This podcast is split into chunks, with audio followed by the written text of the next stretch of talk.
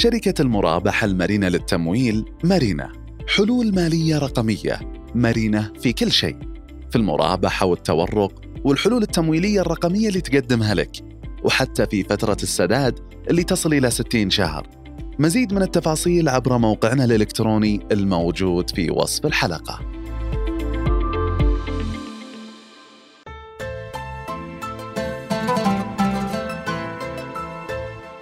يا هلا والله. في بودكاست الغرفة راح نقابل علامات تجارية من حياتنا اليومية. نجلسكم معهم حتى نسمع التجربة اللي ما راح تلقاها بجوجل. نتكلم عن الضيف ثم العلامة ثم استشارة.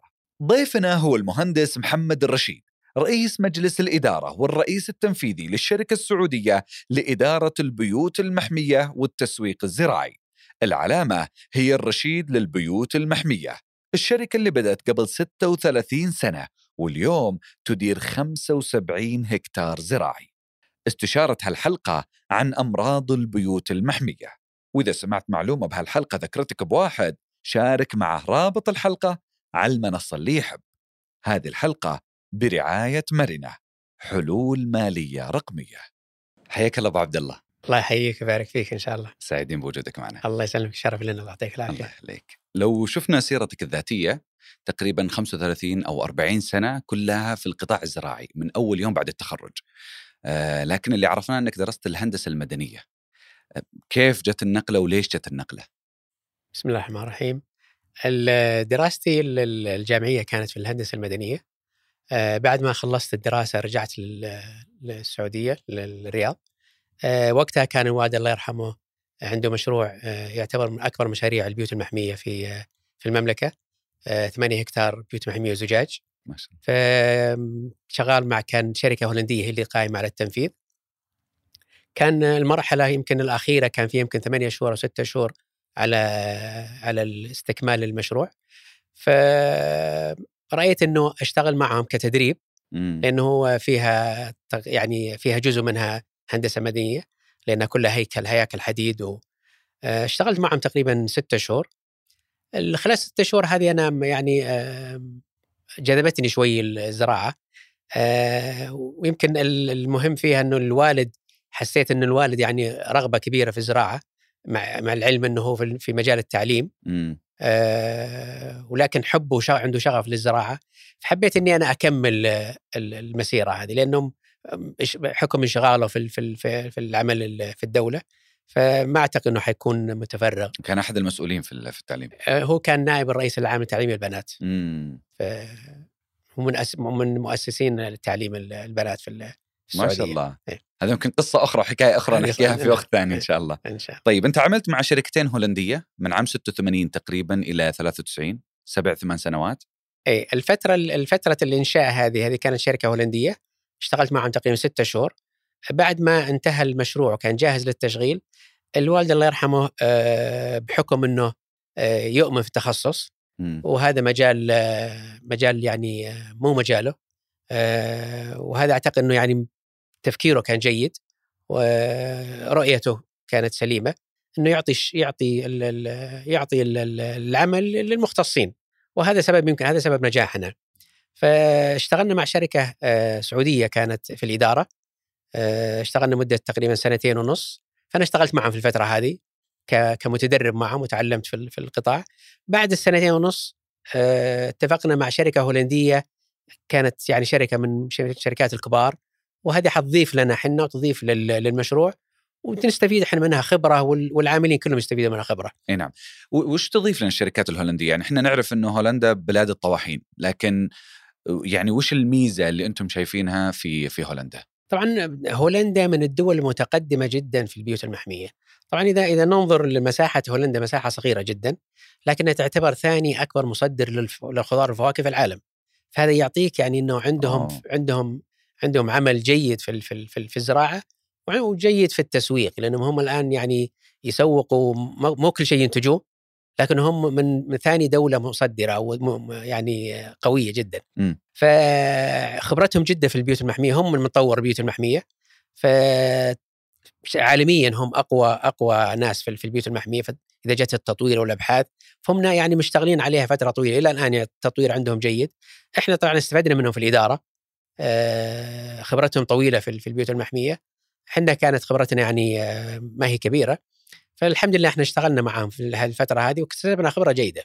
مشروع الوالد اللي سولفت عنه هذا اللي في الخرج آه، كان وقتها أكبر المشاريع أكبر مشروع بيوت محمية كان 8 هكتار إيه؟ زجاج قطعه يعني مساحته تقريبا 80 ألف متر مربع إيه؟ هذا بوقتها كان, كان أكبر مشروع في السعودية اي كان سابق زمانه ولا كانت التقنية دارجة ولا ليش اتجه لهذا الخيار البيوت المحمية؟ آه، أعتقد ظروفنا ظروفنا الجوية في المملكة صعب إنك تنتج أه. خضار ممكن تنتج في المكشوف لكنها في فترات محددة. لكن عشان تنتج في طول السنة وإنتاجية تجاري يعني تنتج يعني في في المتر المربع تأخذ كمية عالية آه، ما في للبيوت المحمية. فالوالد كان يعني من خلال زياراته لأوروبا وهذه اطلع عليها. فعلا هو كان سابق وقته. آه، في الفكرة هذه المشروع يعني فكرتين هو أصلا. يعني بحد بحد ذاته البيوت المحمية كفكرة كانت جديدة على السعودية. آه الشيء الثاني التصميم البيوت المحمية اللي سويناه إحنا كان فريد جدا. آه بحكم بمعنى إنه إذا تشوفهم من فوق قطعة واحدة 80 ألف متر من جوا موزع لثمانية بيوت كل بيت آه. 10000 متر. آه معنى إنه المحصول ما ما يطلع على برا. يعني المحصول جوا جوا البيوت المحمية. م. فهذه تعطيك يعني آه ميزة كويسة إنه المنتج ما يتعرض على الأجواء اللي برا وتصير تحافظ عليه والعمل العمل إنك تروح من بيت البيت آه، يعني سهل جدا. جميل، وش وداكم من الخرج لتبوك؟ أنا اشتغلت في الفترة هذه من من 86 إلى 94 آه، كانت في في المشروع وطبعا اكتسبنا اكتسبت خبرة أنا جيدة أنا لأني دخيل على الزراعة فمن من من أول يوم في دخلت في الزراعة حبيت أتعلم. اليوم أنت أصيل أبو. آه الحمد لله. اليوم أنت يعني أكبر لله. الموجودين في السوق ما شاء الله الحمد لله الحمد لله هذا من فضل ربي الحمد لله. نعم. لكن في البدايات حبيت يعني أتعلم فعلا أتعلم الشغلة لأنك إذا تبغى تنجح لازم تتعلم تفهم الشغلة صح. فأتذكر إنه يعني زرت جميع المزارع المشاريع يعني كونت علاقات جيدة مع مع المزارعين مع الزملاء اللي اعتبرهم زملاء. أه تعلمت كثير منهم. وأنا انفتحت على الناس يعني زيارات وسفرات فعلا إني حبيت الشغلة هذه تخصصت فيها. أه 94 أه قبل 94 أه كان في مشروع في تبوك. 8 هكتار نفس حجم المشروع اللي عندنا. وكان قائم وقتها ومنفذ على إنه آه، ما كان ما كان واصل الكهرباء في المنطقة منطقة تبوك في المنطقة اللي هو فيه المشروع. آه، كان مصمم على التشغيل يشغل في المولدات الكهربائية. آه، بعد وقت ما انتهى المشروع نفذ وصلت الكهرباء. أها. فكان يعني ضروري إنهم يحولون من المولدات الكهربائية إلى الكهرباء الحكومية. فأعتقد كان في إشكال عندهم أو إنه يعني كل من سألوا كان في مشكلة انه كيف تحول لأنه كان 50 cycle حتحولها إلى 60 cycle فكانوا خايفين إنه الكهرباء يحتاج له يعني يحتاج له تغيير كثير تعديل. فجاني اتصال وكنت أنا برا وقتها في في برا مسافر ورجعنا وشفناها. آه، أخذت معنا مهندسين اللي تبعنا زرنا المشروع وتفقدناه فأخذنا قرار إنه ما ما حيكون في مشكلة إذا حولناه إلى كهرب. الحمد لله ربطنا الكهرب ودخلنا كان في نظام كمبيوتر ما كان في نظام كمبيوتر دخلنا نظام كمبيوتر. والحمد لله اشتغلنا فيه يمكن 25 سنة. فهذه هذه كانت هذه نقطه تحول بالنسبة لي الثانية. نعم. نقطه التحول الأولى إني قرار إني أستمر في البيوت المحمية. التحول الثاني هو هو يعني بداية انطلاقنا أو تشغيلنا مشاريع ثانية. في 94 كونت شركة يعني شركة سويناها شركة. والحمد لله من بعدها يعني انطلقنا وتوسعنا. جميل. بحكم إنه هذا الجزء يتعلق فيك شخصيا بعد 30 40 سنة في القطاع الزراعي وش تعلمت من الزراعة؟ تعلمت حاجات كثير يعني الزراعة تحتاج صبر آه لأنك أنت تتعامل مع مع مع زراعات تنمو يعني إحنا يعني نزرعها من البذور ولين الطماطم يعني يجلس معنا تقريبا تسعة شهور فأنت تراعيه فترة تسعة شهور. فتعلمت الصبر آه، يعني هذا ميزة الحمد لله. آه، الشيء الثاني إنه إيماننا إنه إحنا لنا دور في في المجتمع. يعني الأمن الغذائي هذا آه، هدف للدولة. وإحنا جنود من هال من جنود الدولة الحمد لله وقائمين على على تأمين جزء من ما يحتاجه الدولة في الأمن الغذائي. ربي يطرح فيكم البركة.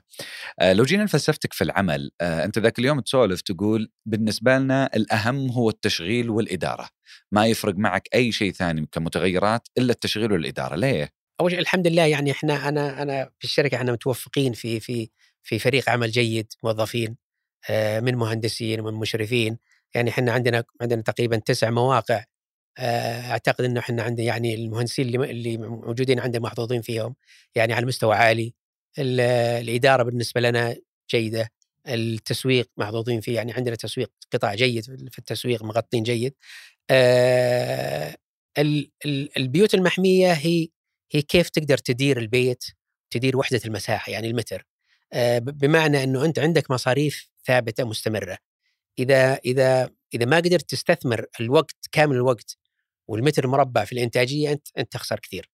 الإدارة مهمة الصيانة مهمة، يعني الحمد لله إحنا عندنا الآن مش مشروعنا له 40 سنة الآن وقائم. يعني إحنا من أولوية عندنا الصيانة، الصيانة هذه أحد أسباب نجاح المشاريع الزراعية إنك تكون تصين المشروع أول بأول. م. الإدارة الإدارة إنك أنت كيف تقدر تاخذ أكبر قدر من من الموظفين يعني كإنتاجيتهم العائد حقهم ونفس الشيء كيف تقدر تحصل أكثر آه، كمية يعني إنتاجية المتر مربع. نعم، وش أصعب موقف مر عليك خلال 30 سنة هذه؟ والله هو يعني موقفين الموقف الأول كان في آه، آه، عام 94 حصل عندنا برد في ال في ال في ال كان في أمطار وفي برد يعني أتلف المحصول. أتلف مو المحصول أتلف المشروع كامل قزاز 80 ألف متر مربع كانت انتهت مرة. لكن الحمد لله يعني عدناه من جديد واشتغل. الثانية آه، نفس الشيء يعني في من قبل تقريبا أربع أربع يمكن خمس سنوات 2017 جانا نفس الشيء برد وأثر على جزء كبير من المشروع. لكن الحمد لله يعني آه، قدرنا أن نعيد مرة ثانية. أنتم كل سنة تطلعون بأرباح؟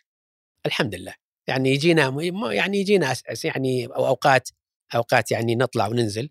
الزراعة آه، زراعة فيها متغيرات كثيرة. وحساسة. وحساسة. فأنت يمكن تشتغل على المدى الطويل على المسافات الطويلة. ممكن نعم. سنتين ثلاثة تخسر إيه لكن إيه. إحنا يعني ما ننظر للربح الآني اللي هو الفترة الآن لكنه يعني نحسب الحسابات الطويلة شوي. نعم. أنت قبل شوي تقول إنه كنت دخيل على المجال الزراعي. اليوم أنت ما شاء الله تبارك الله أصيل ومن أكبر البيوت المحمية في السعودية. الحمد لله الحمد لله آه ذكرني بمقولة قالها لي أحد الزملاء فيصل الزيدان مسي بالخير يقول يقول جاه واحد مرة في قطاع المجوهرات وقطاع الألماس.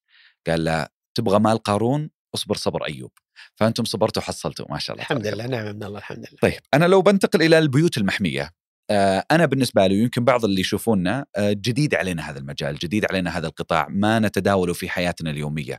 فلما أقرأ مثلا آه، قطاع البستنة إدارة الدفئات السعودية البيوت الزجاجية البيوت المحمية ودي تاخذ فينا جولة بالتعريفات وبالمصطلحات هذه. أجواءنا إحنا في السعودية طبعا الجو حار في في الصيف وبارد في في في في الشتاء. الموارد الطبيعية قليلة جدا عندنا الموية قليلة يعني الموية تسبب هاجس ما هو للمزارعين نفسهم لكن للدولة نفسها. آه، البيوت المحمية يمكن المجال الوحيد اللي أنت تقدر تنتج فيها وتعاكس الطبيعة، يعني تعمل لك أجواء اللي تنشئ ظروفك الخاصة. تنشئ ظروف الخاصة المهيئة لمنتج معين. طبعا البيوت المحمية يعني مختلفة. فيها فيها التقنية البسيطة وفيها التقنية العالية. فيها البيوت البلاستيك العادية هذه الأنفاق. هذه موسمية تزرع في الشتاء. وفي نفسها هذه ممكن تطورها تحط فيها تبريد ومراوح وتمدها طول يعني مدى مدى يعني على مدار السنة. في ال ال ال البيوت المتعددة الأقواس اللي هي الصالات هذه هذه مساحات كبيرة تعتبر. المتعارف عليه عندنا الآن متوسط البيت تقريبا 5000 متر. آه هذه فيها يا بلاستيك يا فايبر جلاس يا polycarbonate يا زجاج. طبعا أفضلهم هو الزجاج لكن الناس دائما تفكر في في البرد أول ما تفكر فيه في البرد الزجاج إنه المخاطرة فيه. آه بالنسبة لي أنا من خبرتي المخاطرة إذا تروح للبلاستيك أو تروح للفايبر جلاس أو ال polycarbonate أنت عندك مخاطرة 24 ساعة في اليوم مدة سنة كاملة لأنه لا سمح الله حصل عندك شورت كهرب المادة هذه آه، مواد سريعة الاشتعال ممكن تنتهي بسرعة. الزجاج أنت عندك المخاطرة الزجاج ممكن يعني إذا إذا حتجي لك كل سنة هي مرة في السنة. فهذه مخاطرة يعني ما هي ما هي بيومية. فأنا بالنسبة لي الزجاج هو أفضل. تحصل على الظروف المناسبة للبيت. محمي فعلا هو يعني مع- مع- معنى محمي فعلا. يعني البيوت المحمية تنشئ ظروفك الخاصة. بمعنى أقدر أزرع أي منتج في أي وقت في السنة بالكمية اللي أبغاها؟ نعم. أي منتج لكن إحنا نجي هنا لاقتصادية المنتج. هل هو مجدي اقتصاديا ولا لا؟ انت أوكي. تقدر تنتج أي شيء في البيت المحمي. لكن هل هو مجدي ولا مو مجدي؟ هذا هو القرار اللي تت... اللي, ت... اللي يعني آه، تقدر تقرر فيه. طيب. لكن إذا جينا بشكل عام البيوت المحمية عامة يمكن 80% في العالم هي قائمة على محصولين اللي هي الخيار والطماط. وهذا لسببين أول شيء سبب إنه الاستهلاك فيهم عالي والسبب الثاني إنه إنتاجيتها للمتر المربع عالي. مم. هذه السببين. لكن انت تنتج مثلا تنتج فلفل تنتج باذنجان تنتج خس تنتج أنواع كثيرة. ففنيا تقنيا أنت قادر لكن أنت اللي يحددك هو احتياج السوق. إيه، الاحتياج السوق واقتصادياتها أي نعم. آه قبل لا ندخل في, في الاقتصاديات وقبل لا ندخل في المنتجات اللي أنتم آه تزرعونها آه بسألك عن أنواع معينة من الزراعة. يعني أنا سبق قريت عن آه زراعة لا نحتاج فيها التربة. وش النوع هذا من الزراعة؟ اللي هو ال hydroponic. أها. اللي هو نسميها هي أي يعني أي زراعة خارج التربة soilless يعني ما تحتاج آه، تربة. ممكن آه، وهذه ممكن يعني سا- كويسة هذه إنك الأول كان في السابق إنك تروح أنت تدور التربة الكويسة والموية الكويسة. ال- الآن إذا بتزرع خارج التربة وهي يعني ما هي ما هي لازم موية يعني ممكن تزرع خارج التربة بتربه ببرلايت بصوف صخري بموية زراعة مائية. هذه كلها تسمى زراعة خارج التربة. ما هذه ميزتها إنك الآن ما تبحث عن أرض فيها تربتها جيدة. يعني حتى لو كانت التربة يعني مليانة يعني حجرية ما عندك مشكلة إنك تزرع خارج التربة. الميزة فيها هذه حاجتين فيها إنك أنت الآن تستفيد من الموية إنك تعيد استهلاك تعيد تدوير الموية هذا حيوفر عليك تقريبا 25% وهذا الميزة في البيوت المحمية الآن. الشيء الثاني إنه مع تدوير الموية ان جالس تعطي سماد معناها إنك أنت حتدور السماد مرة ثانية وحتوفر في السماد. فأنت عندك فائدتين يعني أنت توفرت موية وفرت سماد ووفرت الهاجس اللي يخافون منه الناس الموية إنك أنت تستهلك موية أنت وفرت موية كثيرة الآن. بس كمستهلك ما أدري أحسه مو بصلي. المنتج اللي يجيني ما زرع بتربة يعني ما أدري بس أحس شعور تصحح لي. بيئة, بيئة زي التربة. طبعا أنت التربة فيها مشاكل. يعني هي التربة التربة هي جيدة التربة لأن تتحمل أي خطأ ممكن تخطيه أنت. مم. يعني أي خطأ تخطيه يعني تحط موية زيادة الأرض تش... تاخذ تشربها. إذا حطيت سماد زيادة الأرض تاخذه. فهذه الخطأ فيه يعني بسيط. ما هو ما بينما إذا رحت للزراعة اللي هي خارج التربة لا يصير هنا النبات حساس جدا لأنه أي شيء تعط- تعطيه النبات حياخذه. الزيادة حي... حي... حيصير مشكلة عندك. إي نعم. في برضو مفهوم أنا ما أعرف إذا كان يطبق في أنحاء كثيرة من العالم أو لا اللي هو الزراعة العمودية الزراعة في المباني في ناطحات السحاب. منطقي معقول اقتصادي؟ طبعا هي هي منطقية في المناطق أو أو أو المدن اللي فيها ال- ال- المتر غالي الأراضي غالية. آه. يعني هي بدأت في اليابان اليابان مساحتها صغيرة ومساحه ال- الفاضي الأرض الفاضية قليلة فهي عالية جدا كتك- تك- تكاليف. فهم يروحوا للزراعة العمودية اللي هي يعني ما تحتاج أرض كثيرة تحتاج أطباق يعني أدوار. آه، لكن عندنا إحنا ولله الحمد يعني عندنا مساحات آه، كبيرة إحنا قارة يعني ولله الحمد. آه، لكن نجي نقول الزراعة العمودية فيها ميزة يعني زراعة ال- الورقيات اللي هي الخس والورقيات ممكن. لكن أي زراعة ثانية أعتقد إنها ما هي ما هي مجدية. الزراعة العمودية تحتاج طاقة عالية. هذه هذه يعني يعني فيها ميزة وفيها عيب. يعني تحتاج طاقة كبيرة. أي نعم. طيب لو نجي على الزراعة المحمية أو البيوت المحمية والزراعة المكشوفة أنت قلت قبل شوي إنه عندنا إنتاجية أعلى نقدر نتحكم بالمتر المربع أكثر. قديش تقدرون تتحكموا إيش الفرق عن الزراعة المكشوفة؟ تقدر تن يعني 10 أضعاف الب- الإنتاج 10 أضعاف إنتاجية. تقريبا. إي 10 أضعاف. الاستهلاك الموية أقل جدا كثير. يعني أنت توفر تقريبا 60% موية عن الخارج. مم. والمتر المربع يعني توصل إلى إلى إلى 50 كيلو في المتر المربع ما شاء الله الميزة الثانية إنك أنت على طول السنة أنت ما أنت ما ما أنت مرتبط في الأجواء الخارجية يعني إذا كان برا الحرارة في الصيف عندك 45 أنت ممكن جوا يصير عندك 28 درجة الحرارة هذه الحرارة المثلى لل... لل... للإنتاج مم. مم. في ال... في ال... في البرد في ال... في الشتاء إذا إذا الحرارة عندنا توصل عندنا تحت الصفر أنت تلقاها جوا في البيت المحمي 18 درجة 20 درجة لأنك أنت تدفي. فهذه هذه اللي أنت تقدر توفرها وهذه اللي ليش اللي لها ميزة عندنا إحنا في السعودية؟ لأنك أنت أجواءك ما هي أجواء مثالية للزراعة. فأنت الآن يعني توفر الأجواء المناسبة للزراعة. أي نعم. أنتم آه، في شركة الرشيد لإدارة البيوت المحمية والتسويق الزراعي. لما نبحث ونقرأ عنكم ما أدري أنتم يعني شركة آه، زراعة ولا شركة مقاولة ولا شركة إنتاج وش تموضعكم بالسوق بالضبط؟ إحنا يعني إذا تقدر نمثلها إحنا ثلاث شركات في شركة. إحنا شركة إنشائية. ال ال ال ليش ليش إحنا دخلنا في الإنشاء؟ لأنه إحنا الفترة اللي راح يعني توسعنا كثير ولله الحمد. صار عندنا خبرة خبرة كبيرة في في تنفيذ المشاريع. وصار بالنسبة لنا نعتبره واجب علينا إنه نقدم هالخدمة. ال- بمعنى إنه إحنا نعرف ظروفنا ونعرف أجواءنا ونعرف إيش اللي نحتاجه. فسهل علينا إحنا نخدم المزارع بالحاجة اللي يحتاجها. ونقدر إحنا نتلافى الأخطاء اللي مرينا فيها في السنوات الماضية ما يمر فيها المستثمر الجديد. هذه بالنسبة لي يعني أعتقد إنها ميزة إنه أي واحد يقدر يستفيد منها. طيب وش الأخطاء اللي مرتوا فيها في الفترة الماضية؟ طبعا في البداية أنت ما تعرف التصاميم يعني ال- ال- ال- التصميم المثالي للبيت. آه، يعني مثلا يعني إحنا غيرنا بعض الحاجات يعني المراوح. ال- ال- في التصميم القديم الأول وإلى الآن موجود يعني إلى الآن ح- نرجع على هذه. إلى الآن المروحة في جهة والتبريد في جهة في نفس المستوى متقابلين في نفس المستوى. إحنا في المشاريع الجديدة اللي سويناها لا إحنا صرنا نحط التبريد في أسفل ال- ال- الجهة تحت في ال- في المقاول والمراوح في الجهة المقابل. يصير عندك دورة الهواء أكثر لأنه الهواء الب- البارد هو تحت والهواء السخن يروح فوق. فأنت إذا إذا إذا تبرد المنطقة اللي فوق ما تحتاجها النبات ما يحتاجها. تتبرد المنطقة اللي تحت والمنطقة اللي فوق هي اللي يسحبها المراوح. جميل. أنت, انت تبغى تتخلص من ال- الرطوبة من ومن ال- الهواء السخن. فليش أنت تبرد فوق وأنت أصلا ما تحتاجه؟ مم. هذه بعض الحاجات اللي يعني إحنا يعني آه، بدينا يعني ننتبه لها. طبعا هذا نرجع نقول ما هو ما هو عيب في الهولنديين. الهولنديين يعني عندهم أفكار وعندهم طوروا كثير لكن بالنسبة لهم التبريد ما هو تحدي بالنسبة لهم. فما ركزوا عليه كثير. ما ركزوا عليه. هم هم عندهم في التحدي عندهم في الإضاءة التحدي عندهم في الت- التدفئة في الشتاء لأنه منطقة باردة. صح. يحتاجون إضاءة لأنه عندي إضاءتهم قليلة. إحنا لله الحمد عندنا شمس ما نحتاج إضاءة. مم. فهم ركزوا يعني طوروا بيوتهم الآن البيوت حطوا فيها إضاءة صناعية حطوا فيها حاجات كثيرة. فالتبريد أهملوه لأنه هم ما يحتاجونه. يعني هم أكيد إنهم يعني جيدين لو ركزوا عليه لكنه ما احتاجوه. فهذا إحنا دورنا إحنا نوطن هال هالتقنية هذه.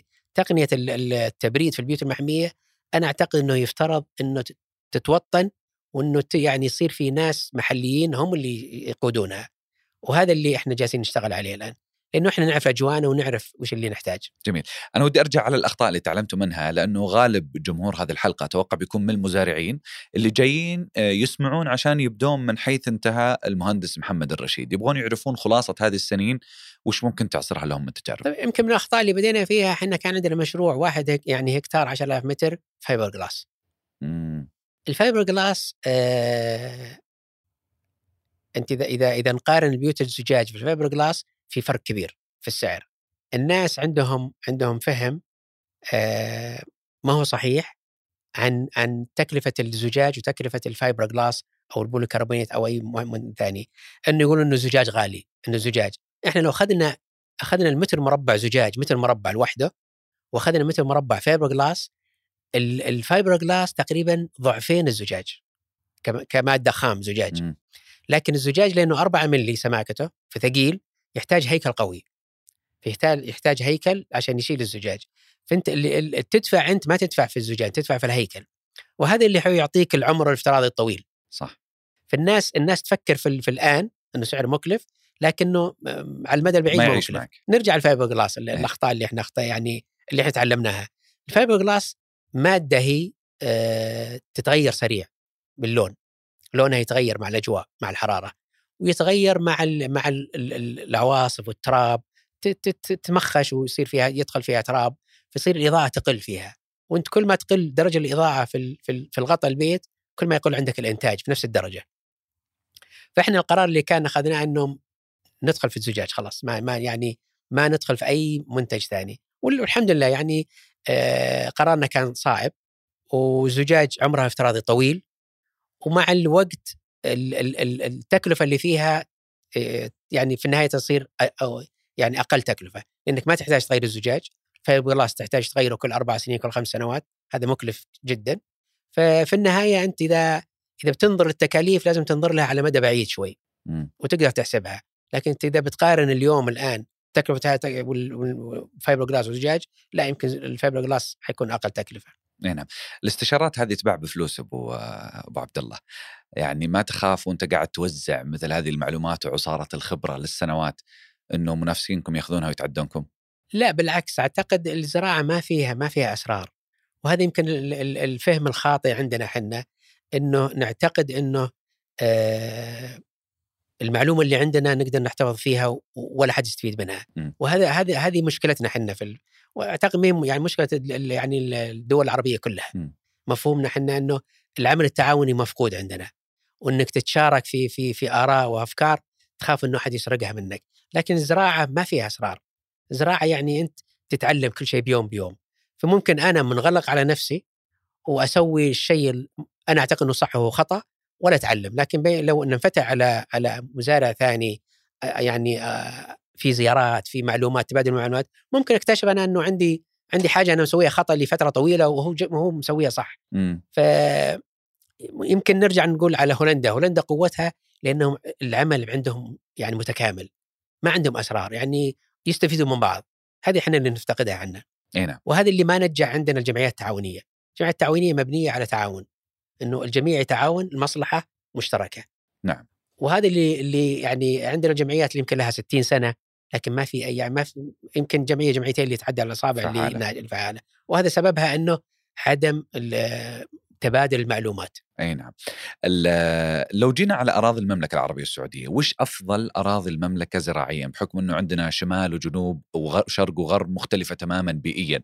ف وش أفضل أراضي المملكة؟ وهل أصلا بيئة المملكة جاذبة ولا صعبة زراعيا؟ إحنا بننظر ننظر لها نظرتين. المنطقة يعني الأراضي المنطقة إذا نعتبر منطقة ونعتبر السوق. فانت مرتبط في النهاية في سوق. فإذا اخترت منطقة جيدة اجواها جيدة وبعيدة عن السوق هذه فيها إشكال. فإحنا دائما نرغب أو نفضل نكون قريبين من السوق.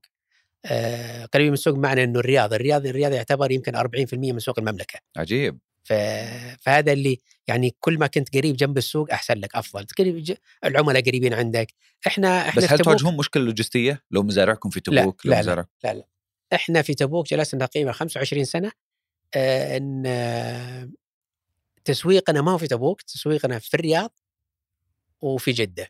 طبعا هذه 1400 كيلو تمشي أنت الحمد لله إحنا عندنا يعني آه، دولة ما شاء الله يعني آه، قارة قارة وعندنا الطرق ما شاء الله شبكة طرق يعني جدا ممتازة تربط جميع المناطق.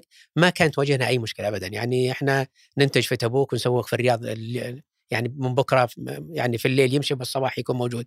أي نعم. ما عندنا أي مشكلة في طيب منظار السوق خلصنا منه. منظار الجو. منظار الجو يعني أنت التحدي يعني الأكثر بحكم إنه فترة الشتاء عندنا قليلة يعني أربع شهور ثلاثة شهور. الصيف هو اللي اللي من شهر أربعة إلى شهر عشرة تقريبا هذا الجو الحار عندنا. فالمناطق الرياض حارة شوي. آه، كل ما تروح عن عن الرياض آه، غرب أحسن. آه، لو أخذت تبوك تبوك جوها تقريبا يفرق عن الرياض أربع درجات خمس درجات. الجوف نفس الشيء مناطق مناطق جيدة. فاحت يعني لو رحت في تبوك وفي الجوف أنا بالنسبة لي يمكن المنطقة هناك تكون أجزي يعني أفضل بالنسبة كإنتاج. لكن كسوق انت مرتبط في أسواق ثانية. وأنتم مزارعكم وين؟ وكيف تختارونها؟ إحنا آه اللي لنا إحنا نختاره إحنا اللي ما هو لنا المستثمر يختاره. أها. يعني إحنا ما نقدر نقول إحنا في المنطقة الفلانية هذه لكن إحنا نبدي رأي لكن إذا كان عنده أرض معي يعني أرض موجودة في منطقة في منطقة معينة صعب إنك تقول له والله غير الأرض وروح أرض ثانية. فإحنا نروح مع مع المستثمر وين ما يوجد. إحنا عندنا تقريبا تسع مواقع موجودة. آه، طبعا في في منطقه الرياض في فضرمه في آه، قريب من الرياض في الخارج عندنا ثلاث أربع مواقع في الحسا عندنا موقع آه، في منطقة الغاط عندنا موقع الغاط الآن مركزين عليها لأنها تقريبا هي حتكون التوسع بالنسبة لنا فيها تقريبا 35 هكتار الآن إحنا. بدينا في آه، سبعة هكتار وحنوصل إن شاء الله يعني السنة الجاية حن حيكون عندنا تقريبا هناك يمكن 30 هكتار إن شاء الله. وش ميزة الأرض؟ ال- الأرض إحنا بالنسبة لنا يعني آه، قريبة من القصيم أها. نغطي شوي من القصيم آه، للغربية تكون يعني مجال كويس بالنسبة لنا آه، مويتها كويسة الأرض الأرض كويسة مويتها كويسة. طيب اللي أنا أعرفه إنه حجم شركتكم 500 موظف تقريبا لكن ما أعرف قديش حجمكم في السوق. إحنا إذا إذا إذا بتأخذنا كشركة بيوت محمية زجاجية إحنا نعتبر الآن الأكبر. مهم. في الأكبر السعودية. في السعودية وفي يمكن في الشرق الأوسط أكبر. إحنا في الشرق الأوسط أكبر إذا إذا تأخذها بيوت محمية زجاج زجاجية. آه ولله الحمد لله إحنا إحنا الأكبر. آه طبعا عندنا تقريبا يعني 500 موظف اللي يشتغلون. آه إحنا حجمنا كبير لكن إحنا الإدارة عندنا ميزتنا إنه الإدارة محدودة صغيرة. فهذه اللي تخلينا عندي يعني إحنا مرنين شوي. يعني قراراتنا سريعة. آه، الفريق فريق العمل فريق صغير. لكنه يعني ال- ال- ال- الموظفين عندنا يعني تتراوح يعني وجودهم في الشركة من 15 سنة إلى 25 سنة. هذا يعطي انطباع إنه يعني شركة صحية شركة يعني الموظفين عندهم ولاء للشركة فيه تبادل حب بيننا وبين الموظفين. يعني هذا تعتبر جزء من يعني شركة بالنسبة لهم ما هم موظفين يعتبرون جزء من من الشركة. لا تزال أبو عبد الله تنزل معهم وتزرع؟ أنا يعني تقريبا اسبوعيا لازم أدور على المشاريع. آه، عندنا موظفين يعني يعني آه، آه، مهندسين مدراء. عندنا اثنين يعني من أفضل أفضل المدراء اللي أنا اعتبر اللي أنا شفتهم. هذول مسؤولين نفس يعني إحنا ثلاثة فريق. كل واحد مسؤول عن عن جزء من من المشاريع. طيب آه اللي أعرفه إنكم أنتم أكبر مورد للاسواق المركزية الكبيرة صحيح؟ نعم. ليش مركزين على الأسواق المركزية؟ الأسواق الأسواق المركزية بالنسبة لنا إحنا آه، من من 25 سنة إحنا كنا ننزل في سوق العزيزية في الحراج. آه، وهذا بحال جميع المزارعين. آه، لكن ما فيها قيمة مضافة بالنسبة لنا. يعني ال- ال- المنت بالنسبة لنا المنتج يحرج عليه يروح للمستهلك يعني يمر في سلسلة يمكن ثلاث أربع أربع أربع أشخاص مم. أو أربع جهات اللي هي على بال ما يوصل للمستهلك فإحنا في وقتها يعني كان يعني ليش ما نروح للأسواق المركزية؟ طبعا الأسواق المركزية أنت عشان تروح لها لازم يصير عندك مقومات. مقومات يعني أحد المقومات إن يكون عندك إنتاج كبير وإنتاج على مدار السنة. لأنه الأسواق إذا إذا إذا عندك منتج في شهر شهرين وتنقطع هذا بالنسبة له ما ما هو مجدي. يعني لازم تكون عندك كان إحنا انتظرنا لين إحنا كبرنا وبعدين قدرنا نت- نتوسع. طبعا ال ال آه، بالنسبة لنا في الأسواق المركزية إنه نختصر المسافة بيننا وبين المستهلك إيه، يعني إحنا يهمنا إنه توصل المنتج يوصل للمستهلك في أحسن حال. أنت شكلك منزعج من الدلالين على قولتهم بس أنا بجيك على على موضوعهم لاحقا. لكن إيش المنتجات اللي أنتم تزرعونها وتوزعونها؟ لأن قبل شوي تقول أنت الخيار والطماط 80% من الأسواق. من ال- البيوت أنا. أتكلم بشكل عام. أي نعم. لكن, لكن لكن أنتم؟ إحنا إحنا بدينا في الخيار والطماط. كان هو منت... الوحيدين منتجين عندنا في الخيار والطماط. لكن لله الحمد الآن إحنا أكبر منتج في الخس الزراعة المائية في الخس. إحنا بالنسبة للشيري الطما- الطماط الشيري الكرزي إحنا أكبر منتج الآن في المملكة. آه، عندنا طماط ثلاث أنواع واربع أنواع طماط. عندنا خيار ثلاث أنواع خيار اللي هو خيار العادي الوسط. وعندنا الطويل الأوروبي وعندنا ال- السناك اللي هو الصغير. إحنا أول من دخل المنتج هذا للمملكة. عندنا باذنجان عندنا ثلاث ألوان باذنجان اللي هو أسود وأبيض وبنفسجي. آه، فلفل ملون عندنا أربع ألوان. آه، فاصوليا عندنا فاصوليا. الحمد لله يعني الآن فراولة إحنا بدينا في الفراولة من سنة ونص الآن نعتبر من أكبر منتجي الفراولة وإحنا داخلين على الفراولة السنة هذه والسنة الجاية حنغطي إن شاء الله يمكن حيكون عندنا تقريبا 20 هكتار مخصصة للفراولة. إي نعم. أنت قبل شوي تسولف عن ال- القيادات التنفيذية اللي معكم في في الشركة. آه وأنت تقول إنه قاعدين نتوسع الآن بال بال خلينا أقول لك بال- بالمنتجات اللي أنتم قاعدين تزرعونها وتستزرعونها.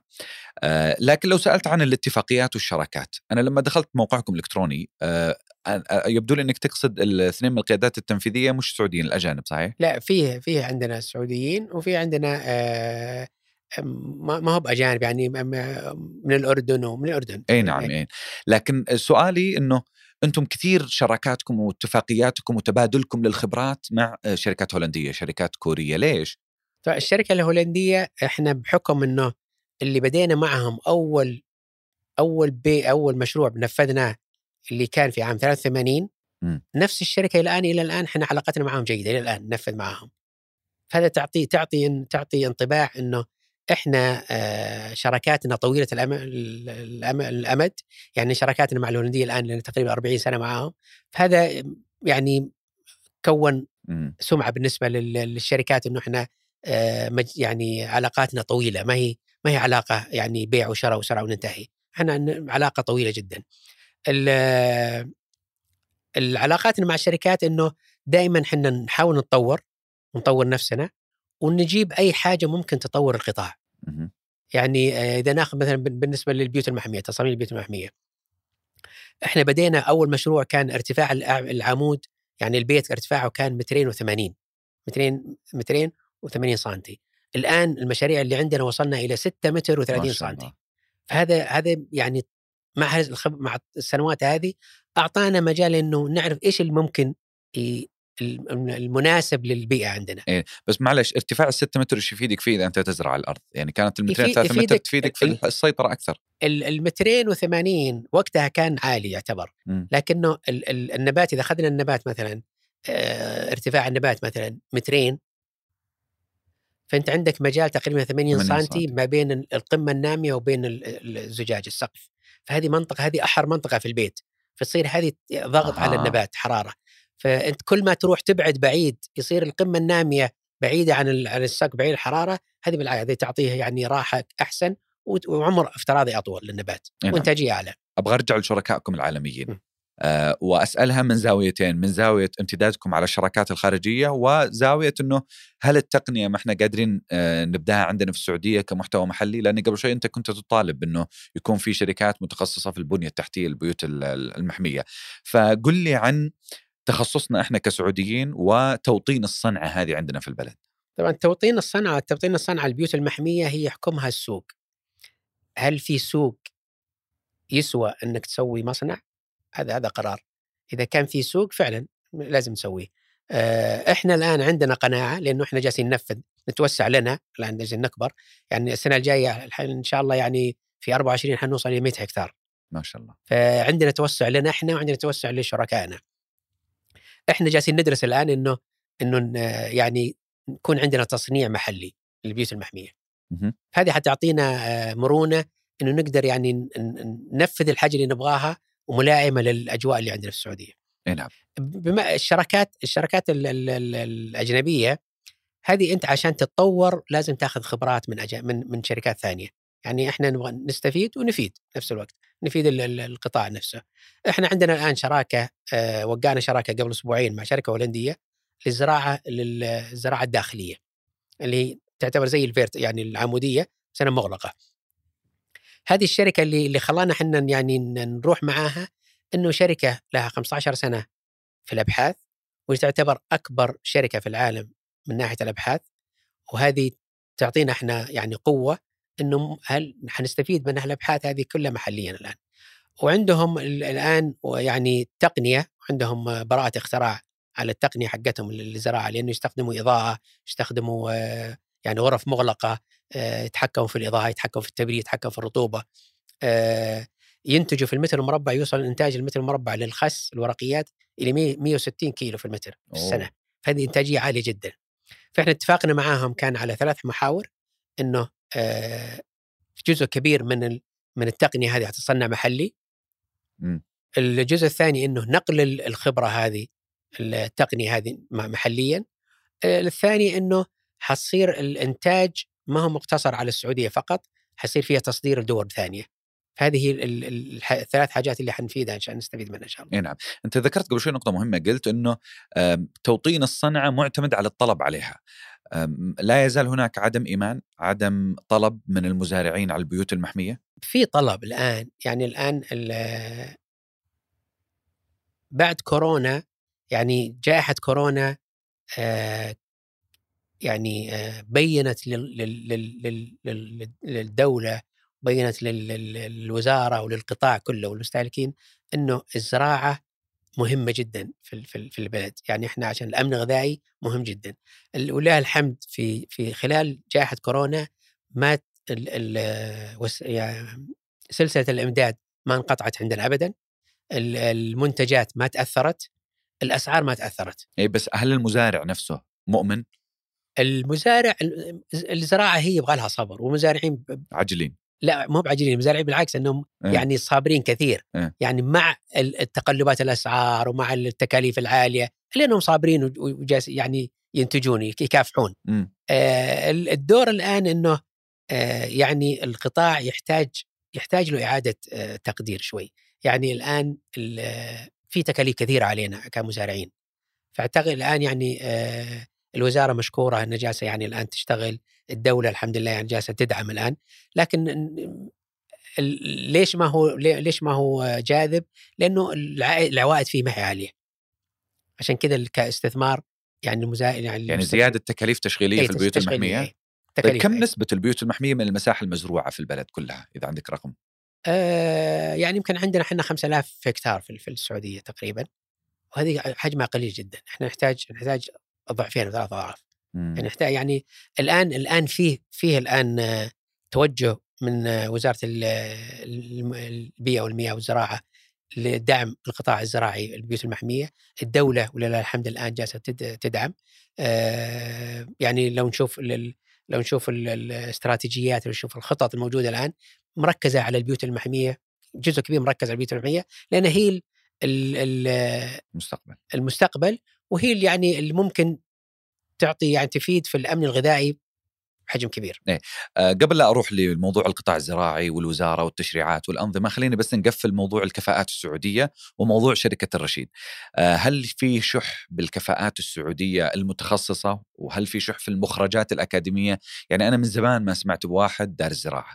يمكن آخر واحد سمعت وقريت عنه دار الزراعة ناصر القصبي آه، في أيام الثمانينات والتسعينات الميلادية لكن في جيلنا ما أذكر أحد دخل تخصص زراعة وحتى اللي يدخل تخصص زراعة للأمانة أبو عبد الله يشعر إنه منقود أو حتى أهله يمكن ما يوافقون له إنه يدخل تخصص زراعة. صح. الزراعة ثورتها كانت في الثمانينات. في الثمانينات كانت ال ال يعني آه، زراعة القمح وحتى البيوت المحمية، البيوت المحمية يعني 80% من البيوت المحمية الموجودة اليوم هي أنشئت في ما بين عام 80 ل 85 هذه الفترة الفترة اللي الفترة الذهبية بالنسبة للبيوت المحمية والزراعه بشكل عام لأن هذه اللي وقتها كانت الزراعة يعني آه، مرغوبة كثير الجامعات كانت تخرج الزراعيين كثير مهندسين وهم هذول هم الفترة اللي, اللي الآن بحكم إنه الزراعة مرت بظروف كثيرة يعني ال 15 سنة اللي راحت من أزمة مالية وظروف يعني عالمية ما هي بالسعودية عالمية فأثرت على على القطاع الزراعي بشكل عام. فالاهتمام فيها ما كان يعني حتى الدارسين ما هو جاذب له إنه يروح قطاع زراعي يعني اللي يروح للتقنيه ال IT الحاجات المطلوبة الآن الآن الآن آه لو تشوف الآن آه قبل 10 سنوات أو 15 سنة لو تروح أي مستشار مالي مكتب استشار مالي حتلقى القطاع الزراعي في ذيل القائمه. الآن ولله الحمد الآن الاستثمار الزراعي في في في, في علو القائمه. إيش السبب؟ السبب إنه يعني الأمن الغذائي مطلوب في الدول كلها. أه. يعني الآن في في حركه في حراك كبير انتاج. لتأمين الغذاء بشكل عام.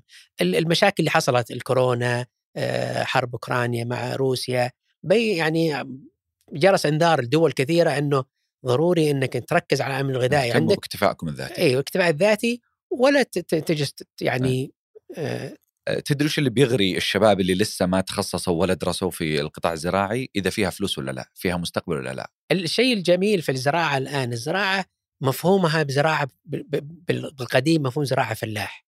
آه. الآن الزراعة الآن زراعة تقنية يعني صناعة صارت الآن. يعني لو تروح البيوت المحمية الآن آه، مشاريع ما هي يعني كأنك داخل مصنع. يعني آه، تقنية عالية آه، إحنا بالنسبة لنا الكمبيوتر هو اللي يدير كل شيء. يعني الري التسميد التهوية التبريد كلها هذه كلها يعني يشغلها جهاز كمبيوتر. فهي في تقنية عالية جدا. الآن يعني مجدية آه الانفتاح الأسواق الآن آه التوسع في في, في يعني الآن إحنا يعني يعني من آه، الدولة السعودية يعني دولة أن نتوقع يعني نتوقع يمكن 100 مليون زائر في السنة في السنوات القادمة. هذه تفتح مجال كثير لا زراعيا ولا تسويقيا ولا يعني حجم حجم الاعتماد على الغذاء حيكون كبير إيه؟ يعني المطاعم الآن كثيرة هذه حيول يعني تحتاج منتجات انها يعني تخدمها طيب اللي بيجونا يزورونا يمكن قلت 100 مليون لكن اللي إحنا بنوصلهم برا كم عددهم؟ هل بنصدر؟ ومن تستهدفون بالتصدير أنتم كرشيد؟ طبعا ال ال يعني ال إذا ننظر لل حجم الاستثمارات في البيوت المحمية، أتكلم عن البيوت المحمية البيوت المحمية حجمها كبير الاستثمار اللي فيها. لو تقارنها مع مع بيوت محمية في دول ثانية إحنا نعتبر متطورين. ما ينقصنا أي شيء. الميزة الثانية إنه عندنا الآن في الشتاء في أوروبا عندنا أجواء كويسة ننتج فيها. أوروبا في في الشتاء ما عندهم إنتاج يعتمدون على دول يعني دول غير يعني خارج يعني مثلا زي مثلا إسبانيا المغرب تركيا. إحنا عندنا فرصة نقدر نقدر نصدر. وعندنا يعني البيوت المحمية اللي الموجوده عندنا ما تقارن في أي دولة ثانية. ليه؟ تقنيتها عالية جدا. عندنا يعني عندنا إمكانية جد يعني كبيرة إنه نقدر نصدر برا. عندنا إمكانية وعندنا فرصة هذه قلتها بس ليش ما استغليناها إلى الآن؟ ما استغلينا طبعا أنت يعني في يعني أنت عشان توصل حاجتين يا يعني إنك تروح بالطيران والطيران مكلف يا تروح بالبحر. فأنت لازم تهيئ نفسك. أعتقد إنه يعني الوزارة لها جهود الآن ناجحة إنها تشجع التصدير وأعتقد إنه إذا لقت أحد جاد وعنده استطاعة إنه يقدر يصدر ممكن إنه يعني يساعدون في في في في, الشحن وفي تكاليف الشحن أنا أعتقد إن هذه فرصة لنا كبيرة كقطاع آه يجب ان نتعاون إحنا كقطاع كامل يعني نعظم هالفائدة من القطاع ونقدر يعني نصدر في يعني أعتقد ان التصدير ما هو ما هو ما هو ما هو ما هو صعب بالنسبة لنا. أنتم الرشيد وين تصلون؟ وش مستقبلكم؟ إحنا يعني الحمد لله الحمد يعني كنا عندنا أهداف كانت من من زمان وحققناها وما زال عندنا أهداف نحققها. يعني إحنا كان في البداية إنه هدف أكبر هدف إنه آه، نتوسع كبير في الإنتاج. كان هدفنا إن نتوسع آه، والحمد لله وصلنا إلى التوسع اللي نحتاجه ونقدر يعني نصير مؤثرين في السوق. الآن إحنا نبغى نتوسع في النوعية. في محاصيل معينة إحنا جربناها خلال يعني إحنا كل محصول عشان نثبت نجاحه بالنسبة لنا نجي سنتين تقريبا. بعد السنتين ننطلق فيه. فهذه تخلينا تدرسونه سنتين. سنتين وندرسه ونزرعه ويعني نركز فيه يعني عشان يطلع تجاري بشكل صح. مم. وهذا اللي يخلينا إحنا ولله الحمد ناجحين إنه أي منتج جديد نوع صنف جديد نطرحه يطرح تجاري بشكل تجاري على طول لأنه إحنا أخذنا وقتنا الطويل في التجارب. آه الفراولة بالنسبة لنا الآن إحنا حاجة مهمة بالنسبة لنا وقطعنا شوط كبير فيها. آه لأن سنة ونص الآن. الآن الآن حنتوسع الآن عندنا خمسة هكتار. السنة الجاية حنوصل تقريبا 10 هكتار حنوصل يمكن 20 هكتار السنة الجاية فهذا عندنا توسع كبير فيها. وهذه إحنا إحنا وقعنا شراكة قبل تقريبا ثلاث أسابيع مع مع مجموعة مع خمس شركات كورية مع بعض. هذه هذه مختصة في الفراولة فقط. م. تطوير الفراولة أصناف فراولة جديدة تقنية فراولة تقنية زراعة متطورة تنقلنا نقلة يعني سريعة إن شاء الله. بإذن الله. خلينا نقفل ملف الزراعة والبيوت المحمية آه، وشركه الرشيد والعلامة التجارية هذه وخلينا نوسع الدائرة وضع القطاع الزراعي عندنا في البلد. لو قلت لك خلال ال 30 30 سنة الماضية كيف تغيرت الزراعة؟ سواء من نظرة المشرع من نظرة المسؤول أو حتى نظرة المزارع. أنت قبل شوي مريت لي مرور سريع على موضوع كورونا أزمة القمح بعد حرب أوكرانيا ثم رجعنا على القمح عندنا في السعودية قبل 10 و20 30 سنة. آه، يزرع ما يزرع يستورد ما يستورد. فودي تعطيني نظرة خلال 30 سنة كيف تغيرت وتبدلت وتحولت الزراعة. طبعا آه، إذا إذا نبدأها من من الثمانينات. الثمانينات كانت في الط... هي تعتبر الطفرة في ال في ال في, ال في القمح. كانت هذه يعني جل الزراعة كانت قمح. آه ولها أسباب يعني أسباب آه كثيرة وأسباب يعني آه مفيدة للبلد كانت. آه، توطين المناطق وال يعني إدخال القطاع يعني الناس تدخل في القطاع الزراعة. وفعلا يعني الزراعة الآن تعتبر يعني هي أكبر آه، يمكن أكبر آه، موظف للمواطنين الزراعة إذا أكبر موظف إذا أخذت الزراعه الزراعه وما يس والملحقاتها يعني م. تجاريا وصناعيا وحاجات الحاجات هذه. آه الثمانينات كانت القمح وكانت يعني زراعة آه جيدة بالنسبة لنا تكونت خبرة تقريبا كبيرة للمزارعين القمح أنا ماني مزارع قمح بس أنا يعني زملاء آه، وأشوف اشوفهم آه، تكونت خبرة كبيرة جدا للقمح. لا من ناحية طريقة إدارتهم للمزارع لا طريقة تصنيعهم آه، توطين الزراعة نفسها توطين طرق الري توفير بالنسبة للري. يعني وصلنا إلى إلى مستويات عالية جدا. إنتاجية الهكتار في القمح وصلنا إلى مستويات عالية يعني تقارنها في دول برا. آه بعدها كان في هاجس اللي هو هاجس الموية كان فيه آه نظريتين يعني يا إنه نحافظ على الموية ولا الزراعه في واحدة منهم فكان الموية مهمة لنا كبلد وإحنا كزراعيين تهمنا الموية فعلا أكيد آه، فتقلصت بعض الزراعات اللي تستهلك مياه كثيرة لكن أنا أرجع أقول إنه ممكن إحنا نقدر نوفق بين الزراعة وبين الموية يعني نوفر موية ونزرع موية نزرع إذا أخذنا المناطق إحنا إحنا السعودية قارة تعتبر. فيها مناطق آه، باردة مناطق حارة.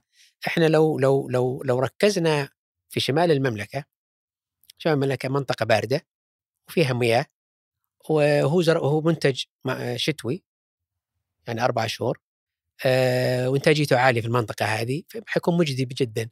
غير إنك مثلا في مناطق حارة إنتاجية فيها أقل واستهلاك مويه عالية. أه هذا بالنسبة لل... للقمح. الزراعة نفس الشيء يعني مرت بظروف كثيرة لكن أه يعني الحمد لله إحنا قطاع قوي بالنسبة للزراعة. اللي اللي اللي يعملوا في القطاع ناس يعني يعني لهم ولاء ولهم حب للزراعة. هذه خلتهم صبروا. يعني صبرنا إحنا في مراحل يعني ما حد يصبر فيها الحمد لله صبرنا. آه هذه اللي الزراعة ان شاء الله تنالون إن شاء الله إن شاء الله. أنا أقول إنه الزراعة مهمة جدا. يعني إحنا نقدر الآن نوفر مياه التقنيات الجديدة الآن في الزراعة توفر موية وتنتج إنتاجية عالية أكبر إنتاجية نعم. أكبر فالبيوت المحمية واحدة منها يعني كل القطاعات صار فيها الآن ثورة في استهلاك الموية وتوفير الموية في كل القطاعات ما هي طيب. بس البيوت المحمية الحالة هذه ثورة وقوة وإنتاجية أعلى في الإنتاج ماذا عن خط النهاية خلينا نقول عند المستهلك ماذا عن الهدر هل ترى بأن هناك هدر سواء في أسواق النفع العام أو حتى لدى المستهلكين في النهاية؟ هل الناس تشتري في بيوتها الشيء اللي ما تحتاجه؟ الهدر إذا الهدر موجود الهدر والفاقد موجود في في الدول كلها موجودة يعني آه ما هو السعودية الحالة؟ لكن آه فيه إذا ناخذ هدر وفاقد موجود يعني أرقام أرقام كبيرة وهذه يعني هذه يعني معلنة ما هي ما هي ما هي سر معلنة. عطنا الأرقام مثل إيش؟ يعني أرقام يعني لو ناخذ سوق سوق العزيزية الهدر فيه كبير جدا يعني 30% 40% أوه 30% 40% هدر من اللي في السوق. اي هدر وفاقد. يعني الآن الآن آه وهذا طبيعي طبيعي. أنت الآن إذا تشوف السوق العزيزية شو سوق مكشوف جدا. ما يعني ما يليق بمدينة زي مدينة الرياض عاصمه المملكة. ما يليق فينا يعني. آه، إحنا عندنا قطاع قوي جدا وصرف عليه مليارات. نجي نشوف السوق يعني سوق بدائي. أوه. وهذا آه هذا هذا يعطيك ليش يعني عندنا عندنا مشاكل في, في, في نفس هدر وفاقد؟ لأنه سوق مكشوف مفتوح. آه، أنت تجيب تجيب إنتاجك في الصباح وتبيعه يعني إلى الظهر. يعني حرارة وأكيد يعني إذا ما ينباع خلال فترة بسيطة ولا حيخرب عندك. آه لو تشوف النقل يعني ما زلنا بدائيين نقلنا. آه المزارع أنا أتكلم عن أنا أتكلم يعني الشركات الكبيرة عندها نقل مبرد وعندها يعني هذا يعني أسطول هذا معروف. لكن أتكلم عن عن المزارع الصغير والمتوسط اللي هو هذا تقريبا 80% من من القطاع الزراعي عندنا. المزارع الصغير اللي خلي اللي وصفته انت بدائي بطريقة التعامل مع السوق. المزارع الصغير. إيه؟ هذا اللي لازم إحنا ننظر له إنه هذا كيف تقدر تساعده أنت؟ تساعده تسويقيا تساعده آآ نقل تساعده كيف يتطور ويرتفع وكيف يس- يستفيد لأنه هو الخسران تقريبا. إذا نشوف النقل الآن يعني يمكن تشوفها يمكن أكيد أي واحد يطلع في الشارع يشوفها يعني ال- ال- الطريقة كيف تجلب ال- ال- الإنتاج حقك من المزرعة إلى ال- إلى السوق العزيزية بنيتات مفتوحة ليه مبردة ولا شيء. آه، التجار كيف يشتروا المنتج من السوق العزيزية يوزعوه على الأسواق نفس الشيء تلقاها ونيت مفتوح ما ما ما ما هو مكيف هذا هذا هذا وش تتوقع من المنتج كيف يوصل للمستهلك؟ مم. فالآن الآن آه، أسواق النفع العام صارت تحت مظلة وزارة ال- البيئة والمياه والزراعة هذا أعتقد إنه يعني آه، حيطور كثير لأنه هي الجهة المعنية في الزراعة وهي الجهة اللي يهمها تطور الزراعة وال- وال- والتطور الأسواق والتسويق. آه، اللي يعرف الآن إنه الوزارة عندها عندها جو يعني أفكار وعندها يعني آه، حتسوي سوق يليق بمدينة الرياض، سوق يعني آه، يخدم القطاع الزراعي بشكل صح، آه، مه- مهيأ، مغطى، مكيف، يعني أنت ما أنت مضطر إنك تبيع منتجك خلال ساعة ولا نص ساعة. مم. فنتطلع إن شاء الله أنت قلت انتقلت إلى وزارة الزراعة ليش أول وين كانت؟ عند البلدية فقط كانت حصرا؟ عند عدة جهات يعني البلدية هي كانت مشرفة مشرفة لكن في البلدية والزراعة والتجارة عدة جهات اللي تشرف مم. على السوق. فالآن لا الآن رجعت كل أسواق النفع العام إلى وزارة الزراعة. فوجهة نظرك قبل شوي في أسواق النفع العام يشاركونك فيها المسؤولين في ال- في الوزارة بحكم إنك ذكرت إنه سيغير كل شيء. أنا أنا أعتقد إنه الدور ما هو ما هو أنا اللي أتشارك فيها. الدور أعتقد إنه عندنا الآن لجان آه، غرفة تجارية فيها لجان للزراعة الأمن الغذائي ال- الأمن والامن الغذائي آه، آه، وهذه تمثل قطاع الزراعة. أنا أعتقد إنه من المفيد إنه أحد من هال ال- ال- أعضاء اللجنة أو من يختارهم القطاع إنهم يتشاركوا مع ال مع ال مع مع وزارة وزارة ال ال- ال- البيئة والمياه والزراعة والشركة اللي تدير. السوق يجلسوا مع بعض يعد يعني آه، يشوفوا مشاكل مشاكل السوق. القطاع الزراعي هو أقرب واحد وأعرف واحد للمشاكل أعتقد يعني نقدر يعني نطور هالسوق. يس بس سؤالي كان مسؤولين في البلد هل هم يشاركونكم نفس إيه، وجهة النظر؟ نعم. نعم.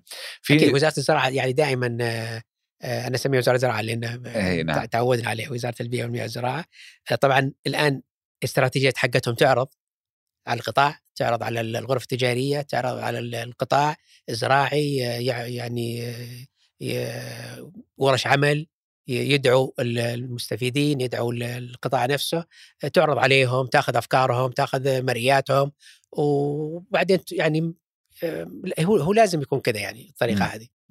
وجهة نظر مرة يعني رميتها أنت قبل شوي لكن ودي إنك تركز عليها. لما قلت إنه إحنا مشاريعنا اللي قبل مئات الملايين نوصل للسوق سوق بدائي جدا. كيف؟ نعم الحين الزراعة إحنا الجهة الوحيدة اللي ما نقيم سوق سعرنا يعني ما ما نحط سعر. مم. السعر مربوط في الحراج. يعني إحنا الجهة الوحيدة لزراعة منتجنا ما نقدر نقيمه. ما نقدر نحط سعره ونحطه في السوق. يعني أي زي أي منتج ثاني. إحنا اللي يقيمه السوق. آه أنا أقول إنه المشاريع حجم المشاريع اللي عندنا مليارات وتقنية عالية لكن نجي للسوق سوق بدائي. مم. بمعنى إنه يوميا حراج ويوميا ال- المحرج يحر يعني يبدأ من من اليوم ما يبدأ من أمس. يعني كل يوم نبدأ من الصفر. مم.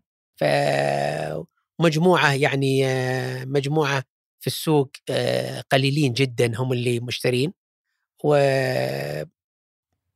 المشكلة الثانية يعني آه، جزء من ال- من الدلالين اللي يفترض إنهم هم آه، قائم خدمه المزارع الآن جزء منهم الآن جالس ينافس المزارع في تسويق المنتجات إلى الاسواق كيف؟ يعني إنه هو جالس يؤدي دورين دلال دلال إنه يدلل على على على منتج المزارع ونفس الوقت هو تاجر يشتري ويبيع. فهذه اعتقد إنه فيها ازدواجية يعني يفترض إنه شغله الأساسي هو دلال ولا ولا ولا ينافس المزارع في في في في في في, في, في الأسواق أو في في, في أي جهة ثانية. آه، فتحت ذهني على سؤال ال- الهوامش الأرباح. دائما نسمع إنه المستهلك السعر غالي عليه والمزارع آه، مظلوم في السعر واللي مستفيدين هذول الناس اللي في النص. طبعا أنت الآن اذا إذا أي حاجة أي مشكلة في في في, في الأسواق دائما ترمى على المزارع. إنه المزارع جشع المزارع طماع المزارع ال ال ال ال ال عاده عاده آه يكون فيه يعني فيه طرف طرفين يعني الطرفين مستفيدين.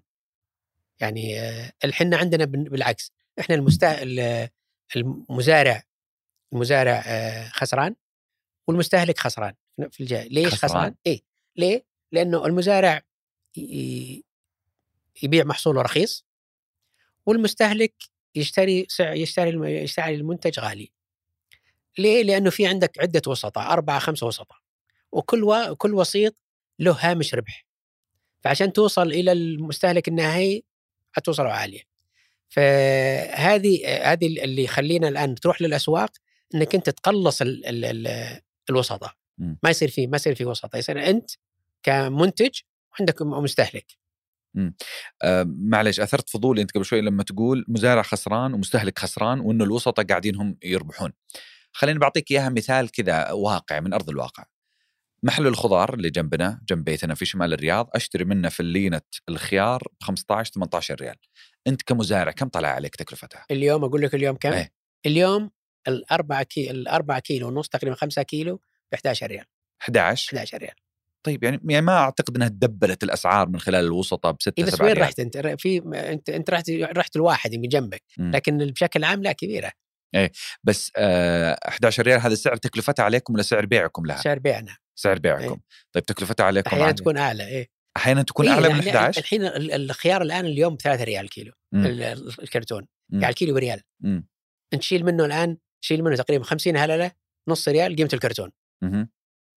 ولا شيء يعني أنت الآن في الفترة هذه أنت خسران بس الناس اللي اللي بيتابعون بيقولون مستحيل تاجر يبيع بخسارة فأكيد إنكم لاقي لكم مخرج فيها لا لا بس أنا أقول لك الزراعة أنت ما تنظر لها إلى الآن إيه. أنت تنظر لها يعني فترة طويلة مم. إذا بتنظر الآن أنت اليوم هي زي زي يعني زي الأسهم هي. أنت هي زي الأسهم.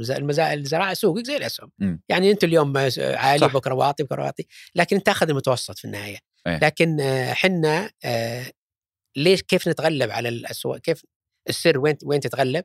تتغلب إنك تنتج كمية عالية فيكون هامش ربحك القليل إيه. موفي معك اي يعني أنت إذا تقدر إذا إذا تقدر تنتج إنتاج عالي تقدر تستوعب هال هال الانخفاض في الأسعار إي نعم متوسط هوامش الأرباح في قطاع ال- الخضار والفواكه كم تقريبا؟ تعتمد هي تعتمد يعني آه، ما بين تعتمد يعني م- م- 10 12 إلى إلى 20% أوه قليل جدا.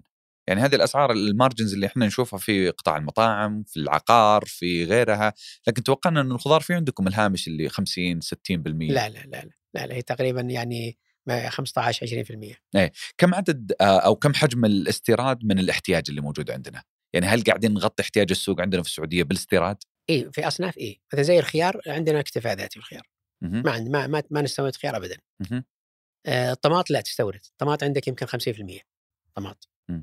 آه بأذنجان لا عندنا كمية كبيرة ما ما عندنا مشكلة يعني تقريبا هو الطماط هو اللي فيه هو اللي فيه نقص آه، الفواكه الفراولة وغيرها الفراولة فيها فيها كثير فيها.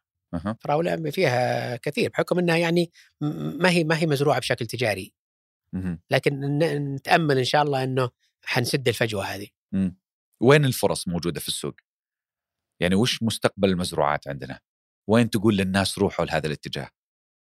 والله بشكل عام الخضار بشكل عام كويس يعني آه، إحنا يعني آه، استهلاكنا عالي آه، يعني الرياض الآن الرياض 8 مليون توقع آه، يعني حنوصل 15 مليون. الرياض لوحدها هذا يعني مدينة ما هي بسهلة. فتحتاج يعني الخضار كله كله يعني أنا أعتقد بس أنت قبل شوي. قلت لي إنه الخ- الخض... الخيار إحنا مكتفين فيه، فأنا ودي تعطيني توقعات الطلب على المزروعات لو واحد بيدخل هذا المجال جديد وين مفترض إنه يتجه؟ أرجع وأقول التسويق أنت إذا إذا إذا عندك إذا عندك قنوات تسويق ما عندك أي مشكلة في أي منتج م. إذا عندك لكن إذا ما عندك يعني منافذ تسويق هنا مشكلة مم. يعني روح للحاجات اللي اللي سهل إنك تبيعها يعني زي الطماط والخيار مم.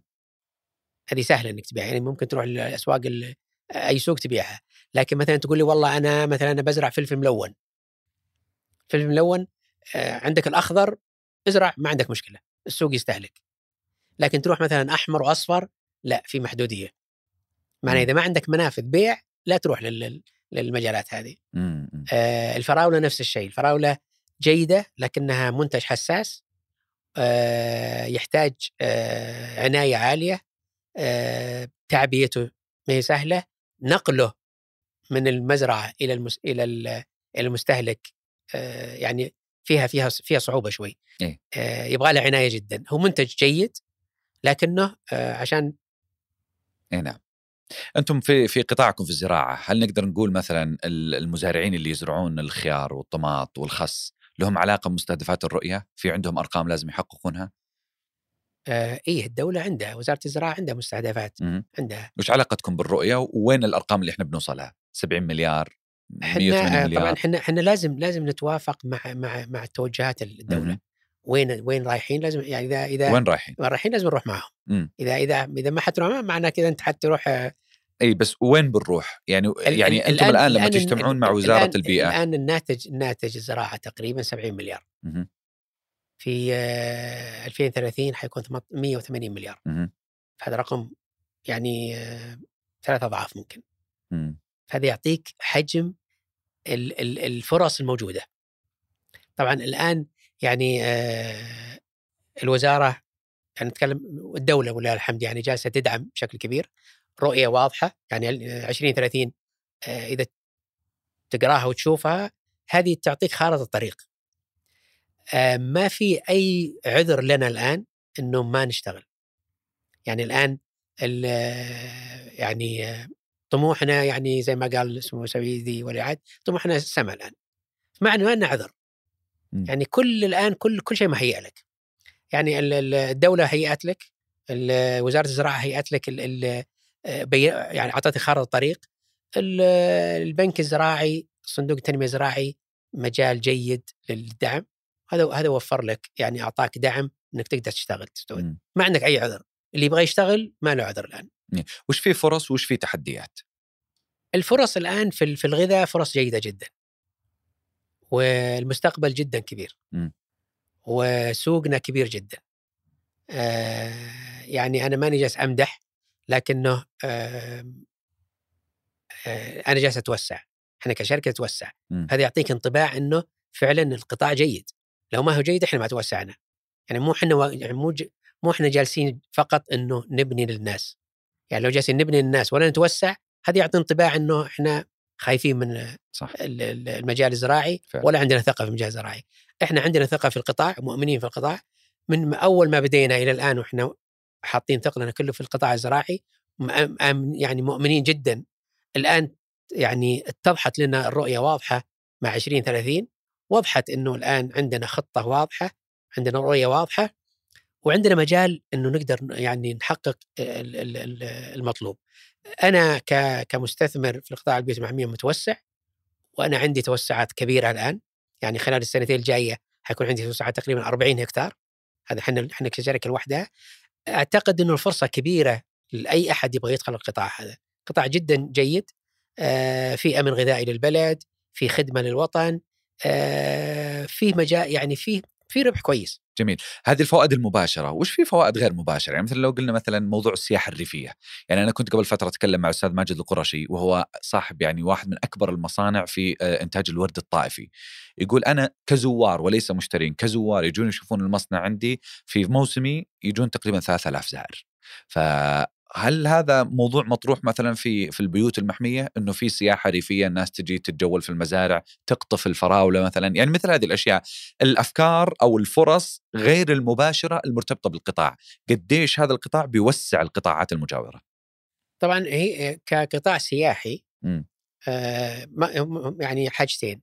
قطاع سياحي للسياحة نفسها وقطاع ومجال مجال استثمار لل- للمزارع الريفية. اللي هي ما تعتم ما عندها إنتاج ما ما عند يعني ما عندها آه، آه، إنتاج تجاري.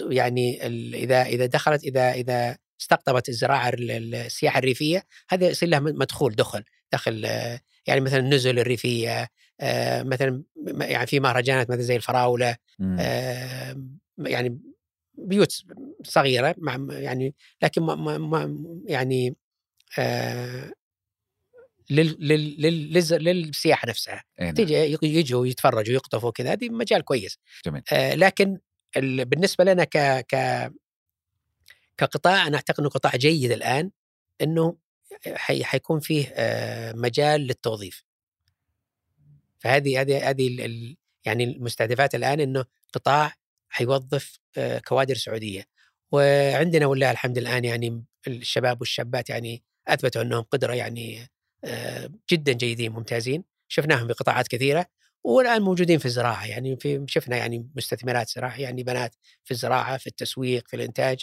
فأعتقد إن هذا يعني مجال واعد لل- للشباب. جميل. وش في من تقنيات جديدة؟ يعني وين بتروح الزراعة؟ أنا بالنسبة لي كان جديد موضوع الزراعة الهيدروكربونيك موضوع الزراعة العمودية موضوع البيوت الزجاجية. فيها يعني تفاصيل بالنسبة لي أنا جديدة لكن المستقبل من ناحية التقنيات وش فيه من إبهار؟ طبعا الآن دخل فيها الذكاء الاصطناعي. يعني الآن آه، إحنا عندنا آه، اتفاقية مع شركة من أكبر الشركات في ال- في الذكاء الاصطناعي آه، للبيوت المحمية. فهذه حت حت توفر عليك وحت تفيدك في إدارة البيوت المحمية ال- المجالات ال- يعني البيوت اللي الكبيرة اللي زينا يعني الشركات الكبيرة. آه، هذه أعتقد إنه هذا مجال جيد ومجال إنه يتوطن محلي ومجال للشباب السعودي إنه يشتغل فيه. وش تطبيقات الذكاء الاصطناعي في الزراعة؟ إنك إنه تدير يعني تدير ال- البيت المحمي بالشكل الصحيح. إيش النبات يحتاج؟ يعني آه، يتوقع النبات متى يحتاج ري يتوقع النبات متى يحتاج غذاء يعني آه، الظروف ال- المناخية يتوقعها يتوقعها ويعطي اللي, اللي يحتاج. فهذه إحنا تجربة حن حنبدأ فيها. وإحنا يعني ب... ب... طريقة عملنا مفتوحين على المجال و100% إن شاء الله إنه حنفيد القطاع في في في في, في الطريقة هذه إن شاء الله. بإذن الله. أنا قبل لا نطلع للاستشارات ودي أسألك ف- من ناحية خبرتك ومعرفتك واطلاعك وسفرك واطلاعك على التجارب آه، في الدول الأخرى من يتفوق علينا زراعيا؟ وش شفت عندهم؟ تفوق في حاجتين، تفوق هل هو مثلا متفوقين في في طريقة الزراعة ولا في الإمكانيات اللي عندهم أو في في العقول نفسها. في الكوادر. إحنا بالنسبة لنا ك ك ك كبيوت محمية وك آه، كاستثمارات ما, ما عندنا ما عندنا مشكلة. عندنا يعني ما عندنا نقص. إحنا نعتبر من الدول المتطورة في البيوت المحمية. إذا قارنا مع دول ثانية. إحنا يعني متقدمين على دول كثيرة إحنا في في البيوت المحمية. لكن اللي ينقصنا ينقصنا ارتباط ال- القطاع ككل مع بعض. يعني إحنا ما يعني آه، بقول لك تجربتنا هنا واقول لك التجربه الخارجية هنا ما في علاقة آه، بين ال- المتخ... يعني آه، مقدمين خدمة مدخلات الإنتاج والمزارعين. يعني دا يعني علاقتنا قائمة دائما على على بائع ومشتري. وهذه ما تخدم أحد. يعني أنت تشتري منه وتبيع ما ما تخدمك. ما في تكامل.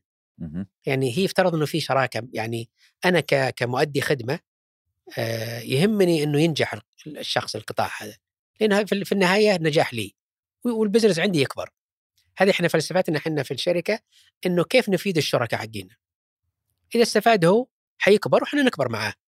إذا إحنا حناخذ بس ال- الفائدة اللي هو وحدنا إحنا يعني ما حيستفيد وما حيستمر. آه، ما في علاقة بين المزارعين نفسهم. وضحت إيه. يعني المزارعين مشتتين مزارعين كل واحد يشتغل لحاله كل واحد بينما في أفكار كثيرة ممكن إحنا نستفيد منها.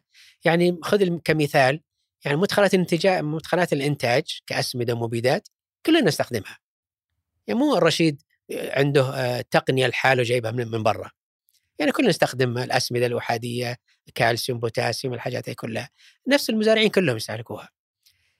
ليش إحنا ما نكون عندنا هالمزارعين هذولا يصيرون كجمعية مع بعض ويشتروا مع بعض مم. أنت إذا تشتري مع بعض أنت يصير عندك قوة تفاوضية أكبر لل مع مع التجار مع مع مقدمين الخدمة تتفاوض عندك ضغط عليهم تقدر تحصل على نعم. على على على أسعار جيدة وعلى على كميات يعني جميل جميلة جميل. ما في يعني م- إحنا منغلقين إنه نعتبره منافسة يعني.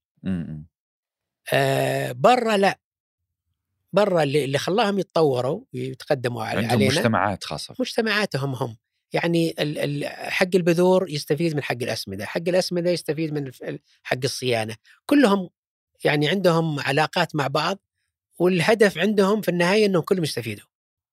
فهذا يستفيد يعني ما عندهم مشكلة إنه ينقل معلومة المنافس ما عنده مشكلة. إذا كان حيستفيد هو.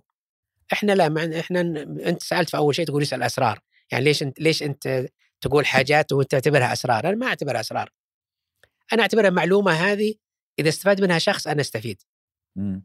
فأنا دائما م- يعني منفتح على الع... على ال... على أي واحد يعني يبغى يستفيد أنا أنا مفتوح يعني الشركة عندنا بغض النظر إحنا حنشتغل معاك ولا نشتغل معاك أي أحد في القطاع البيوت المحمية يبغى يدخل جديد أو يبغى يس يعني عنده عنده يعني هاجس أو عنده مشاكل يبغى ممكن إحنا نتبادل معاه الخبرة طيب. ون- ونستفيد ونفيده ونستفيد منه أكيد إحنا. بإذن الله. بس أنا أبغى أسمع منك قصة على الأقل لمزرعة أو تقنية أو موقف شفته في الخارج.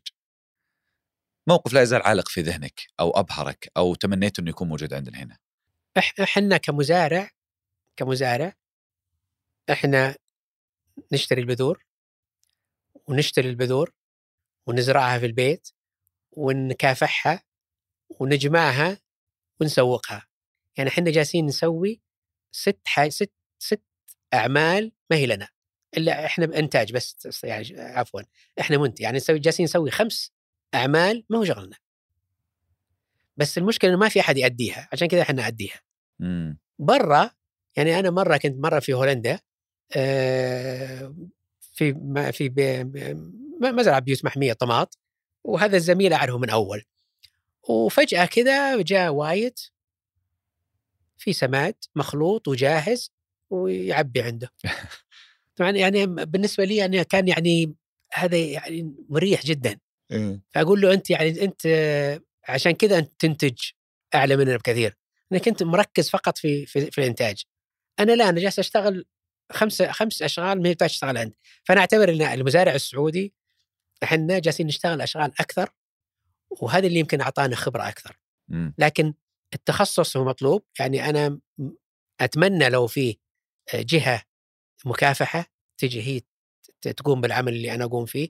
التخصص هم هم يشتغلون فيه. أنا أسمدة هم يقومون يجون يشيلون يشيلون هم السماد عني يشيلون هم السماد الوقاية أنا يخلوني أركز في الإنتاج فقط مم. مم. جهة ثانية التسويق جهة ثانية التعبئة ليش أنا أروح أعب...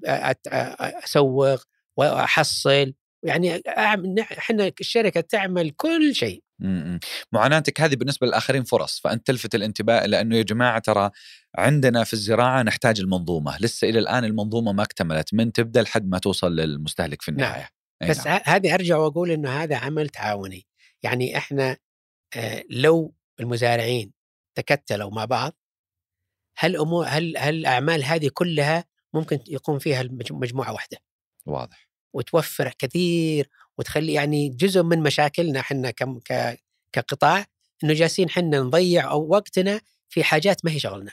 جميل. إحنا شغلنا يفترض إنه إنتاج فقط ننتج وضحت ونطور إنتاجنا. أيوة. الاعمال الثانية في شركات ثانية تقوم فيها. وضحت خلينا نسمع الاستشارات الحين. السلام عليكم ورحمة الله. مساء الخير. المزارع ناصر الطريقي من الزلفي.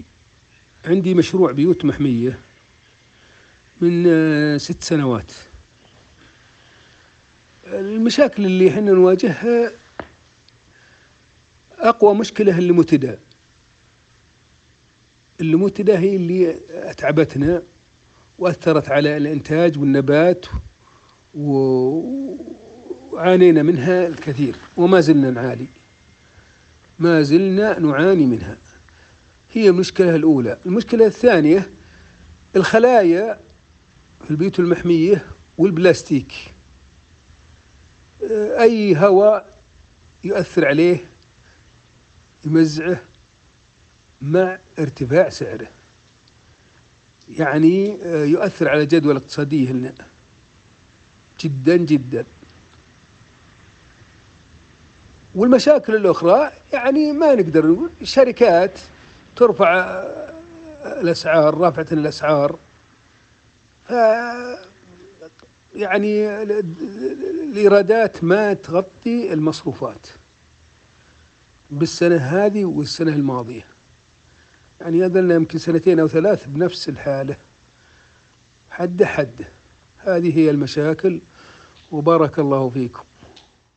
يعطي العافية ناصر آه السؤال الأول ليموتودا أو طبعا هو تطرق إيش. لثلاث حاجات إيه. هي النماتوده في التربة وبالنسبة له البلاستيك والخلايا التبريد والسؤال الثالث اللي هو ارتفاع تكاليف مدخلات الإنتاج مم. السؤال الأخير يعني آه، أتوقع إنه مو بالحالة يمكن انك أنت قبل شوي تكلمت عن إيه، هذه بس النقطه إن نحن نعرج طيب عليها نرجع للسؤال الأول ال- النماتوده هذه مشكلتها في التربة وهذه آه، كثرة يعني إذا استهلكت التربة تطلع فيها مشاكل كثيرة أمراض ما أمراض النماتوده هذه أحد المشاكل تعق- تعقد الجذور هذه وتأثر على النبات. آه، أحد حلولها إنك تطلع برا التربة زراعة خارجية يعني زي الهيدروبونيك هذه. فأنت الآن تترك التربة كلها مم. ومشاكل التربة تنتهي. آه، بالنسبة للاخ ناصر يعني آه، هو عنده مزرعة ما حنقوله طبعا يعني يقدر هو يروح لزراعة خارج التربة. والصندوق التنمية الزراعي يدعم التوجه هذا. لأنه أصلا هذه فيها توفير لل- للم- للموية وهذا أحد يعني المستهدفات ال- الدولة آه، لكن في مبيدات آه، يعني ممكن ي- است- استبدال التربة طبعا هذا مستحيل. لا مكلف استبدال إيه. التربة مكلف يعني ممكن هو يزرع خارج التربة أحسن له أوفر نعم. أو إنه يعقم التربة تعقيم التربة آه، آه، بالنسبة للبلاستيك والخلايا والخلايا البلاستيك طبعا يعني زي ما قلنا إنه أحد أحد يعني هو رخيص صحيح بس أحد مشاكله إنه يخرب بسرعة. آه، لكن طريق يعني أعتقد إنه شد البلاستيك إذا إذا إذا إذا نفذ بطريقة صحيحة مشدود الهواء ما يأثر عليه كثير يعني. آه، لكن هو له عمر افتراضي يعني شيء طبيعي هذا. آه، بالنسبة للخلايا خلايا التبريد آه، طبعا مشاكلها مشكلة لأنها هي آه، كرتون. يجي عليه الموية في جهة مقابله مراوح تشفط الموية الهواء ويتبرد الموية الموية ال- الهواء اللي ماشي يتبرد. لكن هذا ينتج عنه تملح للكرتون لأنه البخر تبخر يصير آه، يصير في ملح. طبعا هذه آه، يحتاج لها غسيل يعني بشكل دوري يعني أنصح الاخ ناس إنه يغسلونها بشكل دوري وبعدين آه، ما يخليها مكشوفة على برا على الهواء. يعني هذه اللي قلت لك إحنا التصميم اللي عندنا الوالد الله يرحمه هذا يعني سابق وقته. التبريد جوا محمي مم. يعني ما عندنا مشكلة يعني كبيرة زي إذا كان مكشوف على الهواء. لكن آه، يقدر هو مثلا يحط عليه شاش آه، شبك ظل أخضر يعني وحمايه له وظل. آه، بالنسبة لمدخلات الإنتاج فعلا السنتين اللي راحت مع مع أزمة أوكرانيا وروسيا الحرب أثرت على إمدادات أثرت على كورونا أثرت على المصانع. يمكن هي بداية كورونا. يعني حركة النقل صار فيها مشاكل ارتفعت أسعار كثيرة ارتفاع الشحن ارتفع آه، سهل إنه يرتفع الشيء لكن عشان يرجع ينزل ياخذ له فترة طويلة. آه، لكن الكلام اللي قلت قبل شوي إنه تعاون المزارعين مع بعض هذا حيوفر في في يعني يمكن يقلل تكاليف مدخلات الإنتاج. فأنا أنا مؤمن إنه العمل التعاوني مهم. وهذا حي يعني في فائده كبيرة لل- للقطاع. أنتم السنتين الماضية هذه عانيتوا مثل ما عانى نعم ناصر؟ إيه إيه يعني بعض بعض المنتج يعني الأسمدة وصل ارتفاعها يعني مي- 200% أوه. لا لا في حاجة يعني كلها ارتفعت. مم. ارتفاعات يعني كبيرة جدا. طبعا هذا يعني أثر على ال- القطاع الزراعي تأثير كبير. نروح للاستشارة الثانية وعليكم ورحمة الله وبركاته معكم كنعان السالم آه، لو سمحتوا بالنسبة للبيوت المحمية آه، تو- يكون فيها كثير من الأمراض خاصة آه، سوس آه، العنكبوت الحمراء آه، ما أدري وش اللي هل نستطيع أن نقضي عليها هل نستطيع أن نخفف الأمراض على على الأشجار اللي بالمد- بال- بالبيوت المحمية وهل يأثر ع- لما تكون آه، زراعة متعددة الأغراض بنفس البيت هل يأثر على على الشجر؟ شكرا ومع السلامة يعطي آه، العافيه عمنا وأستاذنا الله كنعان آه. الأمراض والعنكبوت الحمراء كيف تسيطر عليها؟ ال- العنكبوت آه، طبعا آه، عادة إذا عندك آه، عواصف هواء تراب دائما تتوقع إنه حيجيك ال- ال- العناكب آه، يعني شيء طبيعي فضروري إنك يعني أول ما تشوف الأجواء فيها غبرة أو فيها عواصف تتوقع إنه حيجيك لازم يعني لازم ترش تكافح آه لكن رش المبيدات بشكل مستمر ما هي جيدة ما هي كويسة لا هي لا كويسة لا هي للنبات يعني النبات يعني يتعب من رش. آه إحنا اشتغلنا من 15 سنة في المكافحه الحيوية. المكافحه الحيوية هذه تقلل من ال- الاستهلاكات المبيدات بشكل كبير. يعني هذه هذه آه، تعتمد على حشرات نافعة تتغذى على حشرات ضارة. يعني زي العن- العنكبوت هذا في له مفترس آه، يقضي عليه. فالمكافحه الحيوية هذه جدا ممتازة آه، طبعا هي في تكاليف وإدارة. يعني مو سهل إنك إنك يعني أنت تشتغل فيها آه، لكن هذا أنا أعتقد هو المستقبل بالنسبة لنا. إحنا اشتغلنا فيه وجزء منه يعني إحنا من 15 سنة وأكثر دخلنا النحل الطنان لتلقيح الطماط. طبعا إحنا أول شركة دخلناه. مم. فما كان معروف. سابقا إحنا كنا نستخدم الهزاز الميكانيكي تهز ال- ال- الزهر لأنه فيها لقاح حبوب لقاح.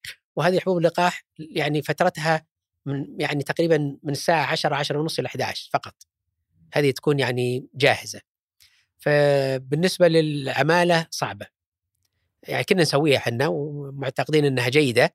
لكن بعد ما جبنا النحل الطنان نحل هذا ملا- يلقح هذا تحطه في البيت خلية آه، طبعا هو أكبر من عسل أكبر من نحل النحل حق العسل ولا ينتج شيء ما ينتج عسل ولا حاجة هذا فقط يلقح تلقيح. آه، وهذا يشتغل سبع أيام في الأسبوع ولا ولا تتابعه ولا حاجة ولا شيء إيه. فيعطيك من يعطيك عنقود طماط مت- مت- متجانس آه، حجم واحد جيد استخدام النحل بحد ذاته يفرض عليك تخفيف المبيدات. لانك مم. أنت لو تبغى إذا تجيب نحل وحترشه معناه حيموت. فأنت يعني يعني ما ما مم. حتسويها ما حتسوي هذه فهذه يعني أول بداية إنك تقدر تخفف المبيدات. هذه اللي إحنا بدينا فيها الحمد لله. مم. آه النحل يعني صعب إنك ترش مبيده فيه. آه فتخفف المبيدات. المكافحه الحيويه إحنا استخدمناها وناجحة. وأعتقد إنها لو عممت آه حتكون أن يعني ناجحة كثير لكنها تحتاج دعم يعني آه النحل مكلف آه إحنا نجيب ال- الخلية تقريبا ب يمكن ب 300 ريال. نجيبها مرتين في الأسبوع. البيت يحتاج يعني ثلاثة. انت يعني إحنا كل كل كل أسبوع كل أسبوعين يعني ندفع تقريبا يعني 30 ألف ريال تقريبا أوه. النحل. فمكلف. لكنه نتائجه نتائجه مفيدة جدا. مم. آه، إحنا عشان نعممه على المزارعين أعتقد لازم يدعم. يعني آه، أتمنى لو الدولة ممثلة يعني في في في وزارة الزراعة وفي الصندوق التنمية الزراعي إنه يدعموا لأن هذا حيخفف على المزارع. آه، المكافأة الحيوية الاتحاد الأوروبي في أوروبا تدعم. يعني المزارع اللي في أوروبا اللي م- اللي عارف كل شيء متطور ومحترف يجيه دعم. إذا استخدم المكافأة الحيوية وس- فإحنا أولى يعني إنه إنه الدولة آه، تنظر لهم. هذا حيخفف كثير من المشاكل من المبيدات حيخفف كثير من الأمراض. آه، لو قسناها فواتير العلاج وش حتوفر على الدواء حتوفر مليارات. يعني لو حسبناها حسبة بسيطة بس يعني الآن عندك أمراض كثيرة آه، يعني نتمنى إن شاء الله إن ما ما يعني ما حد يتصاب لكن آه، المبيدات لها لها تأثير كبير. فإحنا من كشركة يعني ندعم هالتوجه هذا وجالسين نشتغل عليه لكن اتمنى إن شاء الله إن القطاع كله يستفيد منها. فيما يخص تعدي الزراعات يعني السائل اللي سأل قبل شوي عن عن تعدد الزراعات في في البيت المحمي نفسه.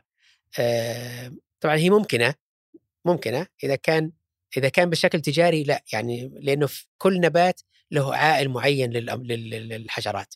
فأنت إذا تزرع أكثر من صنف حت حتواجه أكثر من مشكلة. فكتجاريا يعني بشكل تجاري لا الأفضل إنك تفصل. لكن إذا صار يعني زراعة يعني زراعة يعني ال- ال- الاستخدام الشخصي منزلية منزلية ما ما ما ما, ما يمنع إنك ما يمنعك إنك تعدد ال- ال- الأصناف في بيت محمي في بيت واحد وت- وتنتبه لها يعني شوي. جميل آه لو جينا على الغرف التجارية والقطاع الخاص ككل آه أنت عضو في في اللجنة الزراعية وكنت قبل شوي تتكلم عن المنظومة وبناء المنظومة وإنه لازم نكون يد واحدة وإنه و إلى آخره. هل فعلا في الغرف التجارية كنتم يد واحدة وأنجزتوا في عديد الملفات؟ طبعا ال- ال- الغرف التجارية هي صوت صوت ال...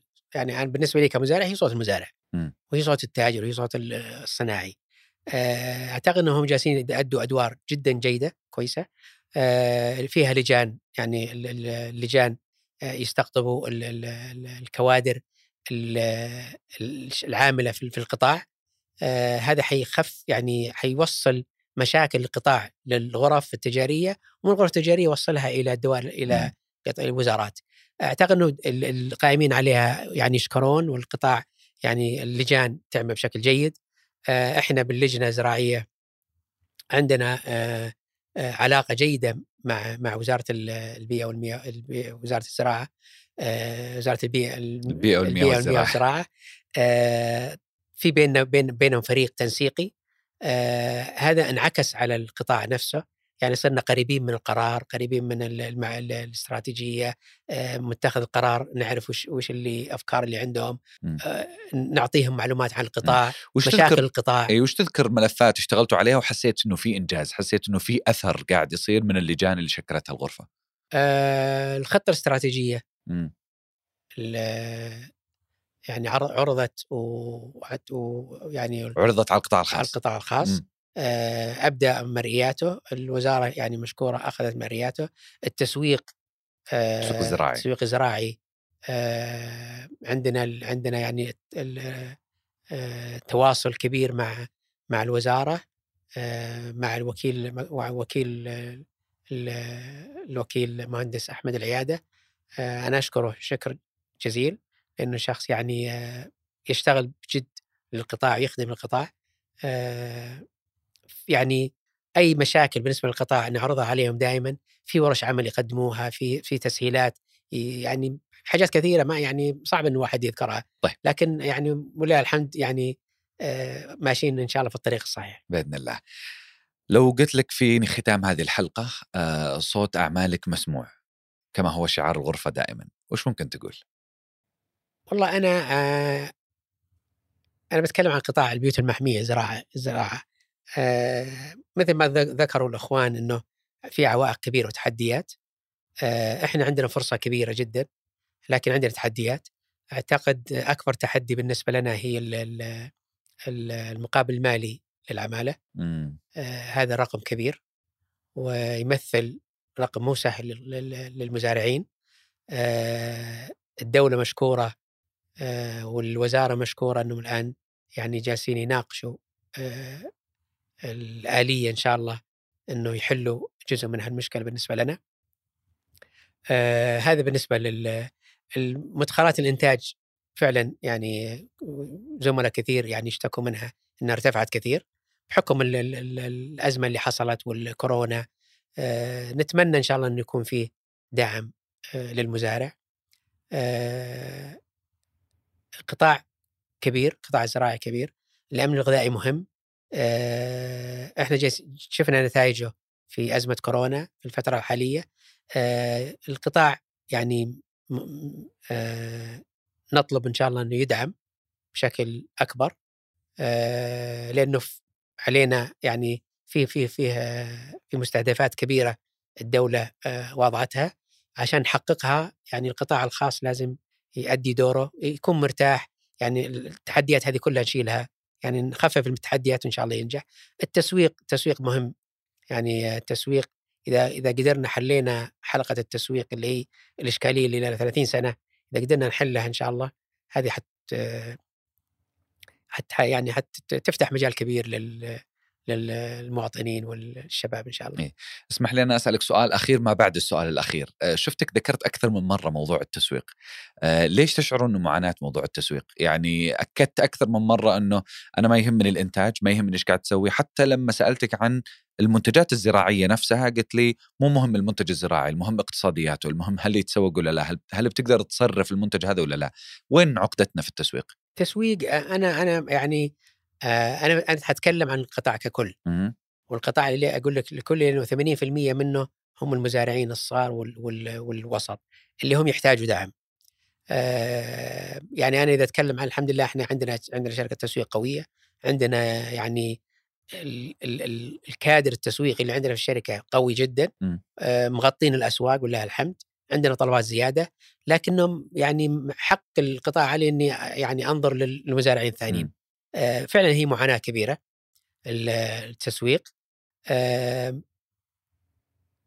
يع- يعني إذا إذا نقدر نكون يعني آه، شركة تسويق يعني خلينا خلينا نحطها في طريق ثاني. إحنا خلينا نقول زي منصة التمور مثلا منصة التمور السعودية اليوم المركز الوطني للنخيل والتمور أسسوا منصة يعرضون فيها المزارعين تمورهم.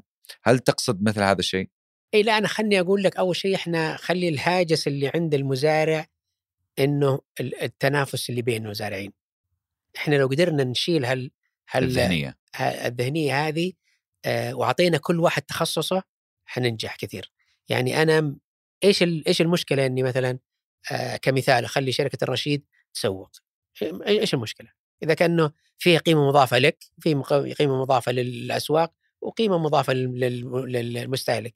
إيش إيش المشكلة؟ أنا لو ألقى لو أحصل شركة تسويق ال- العمل اللي أنا أحتاجه أنا من أول يوم من أول يوم. أروح. إيه؟ لكن إحنا الحمد لله إحنا لنا فترة طويلة في التسويق ما, ما عندنا يعني عندنا إمكانية كبيرة نقدر نخدم أي واحد.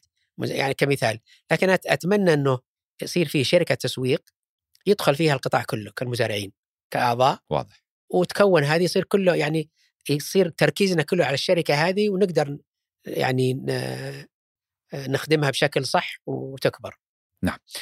شكرا جزيلا لك. فالكم بإذن الله التوفيق والتسويق إن شاء الله. الله يسلمك. ألف شكر لاستضافتكم وأنا سعيد جدا وأتمنى ان إن شاء الله أن اكون ضيف خفيف على المشاهدين. بالتأكيد. يعطيك العافية. الله محمد.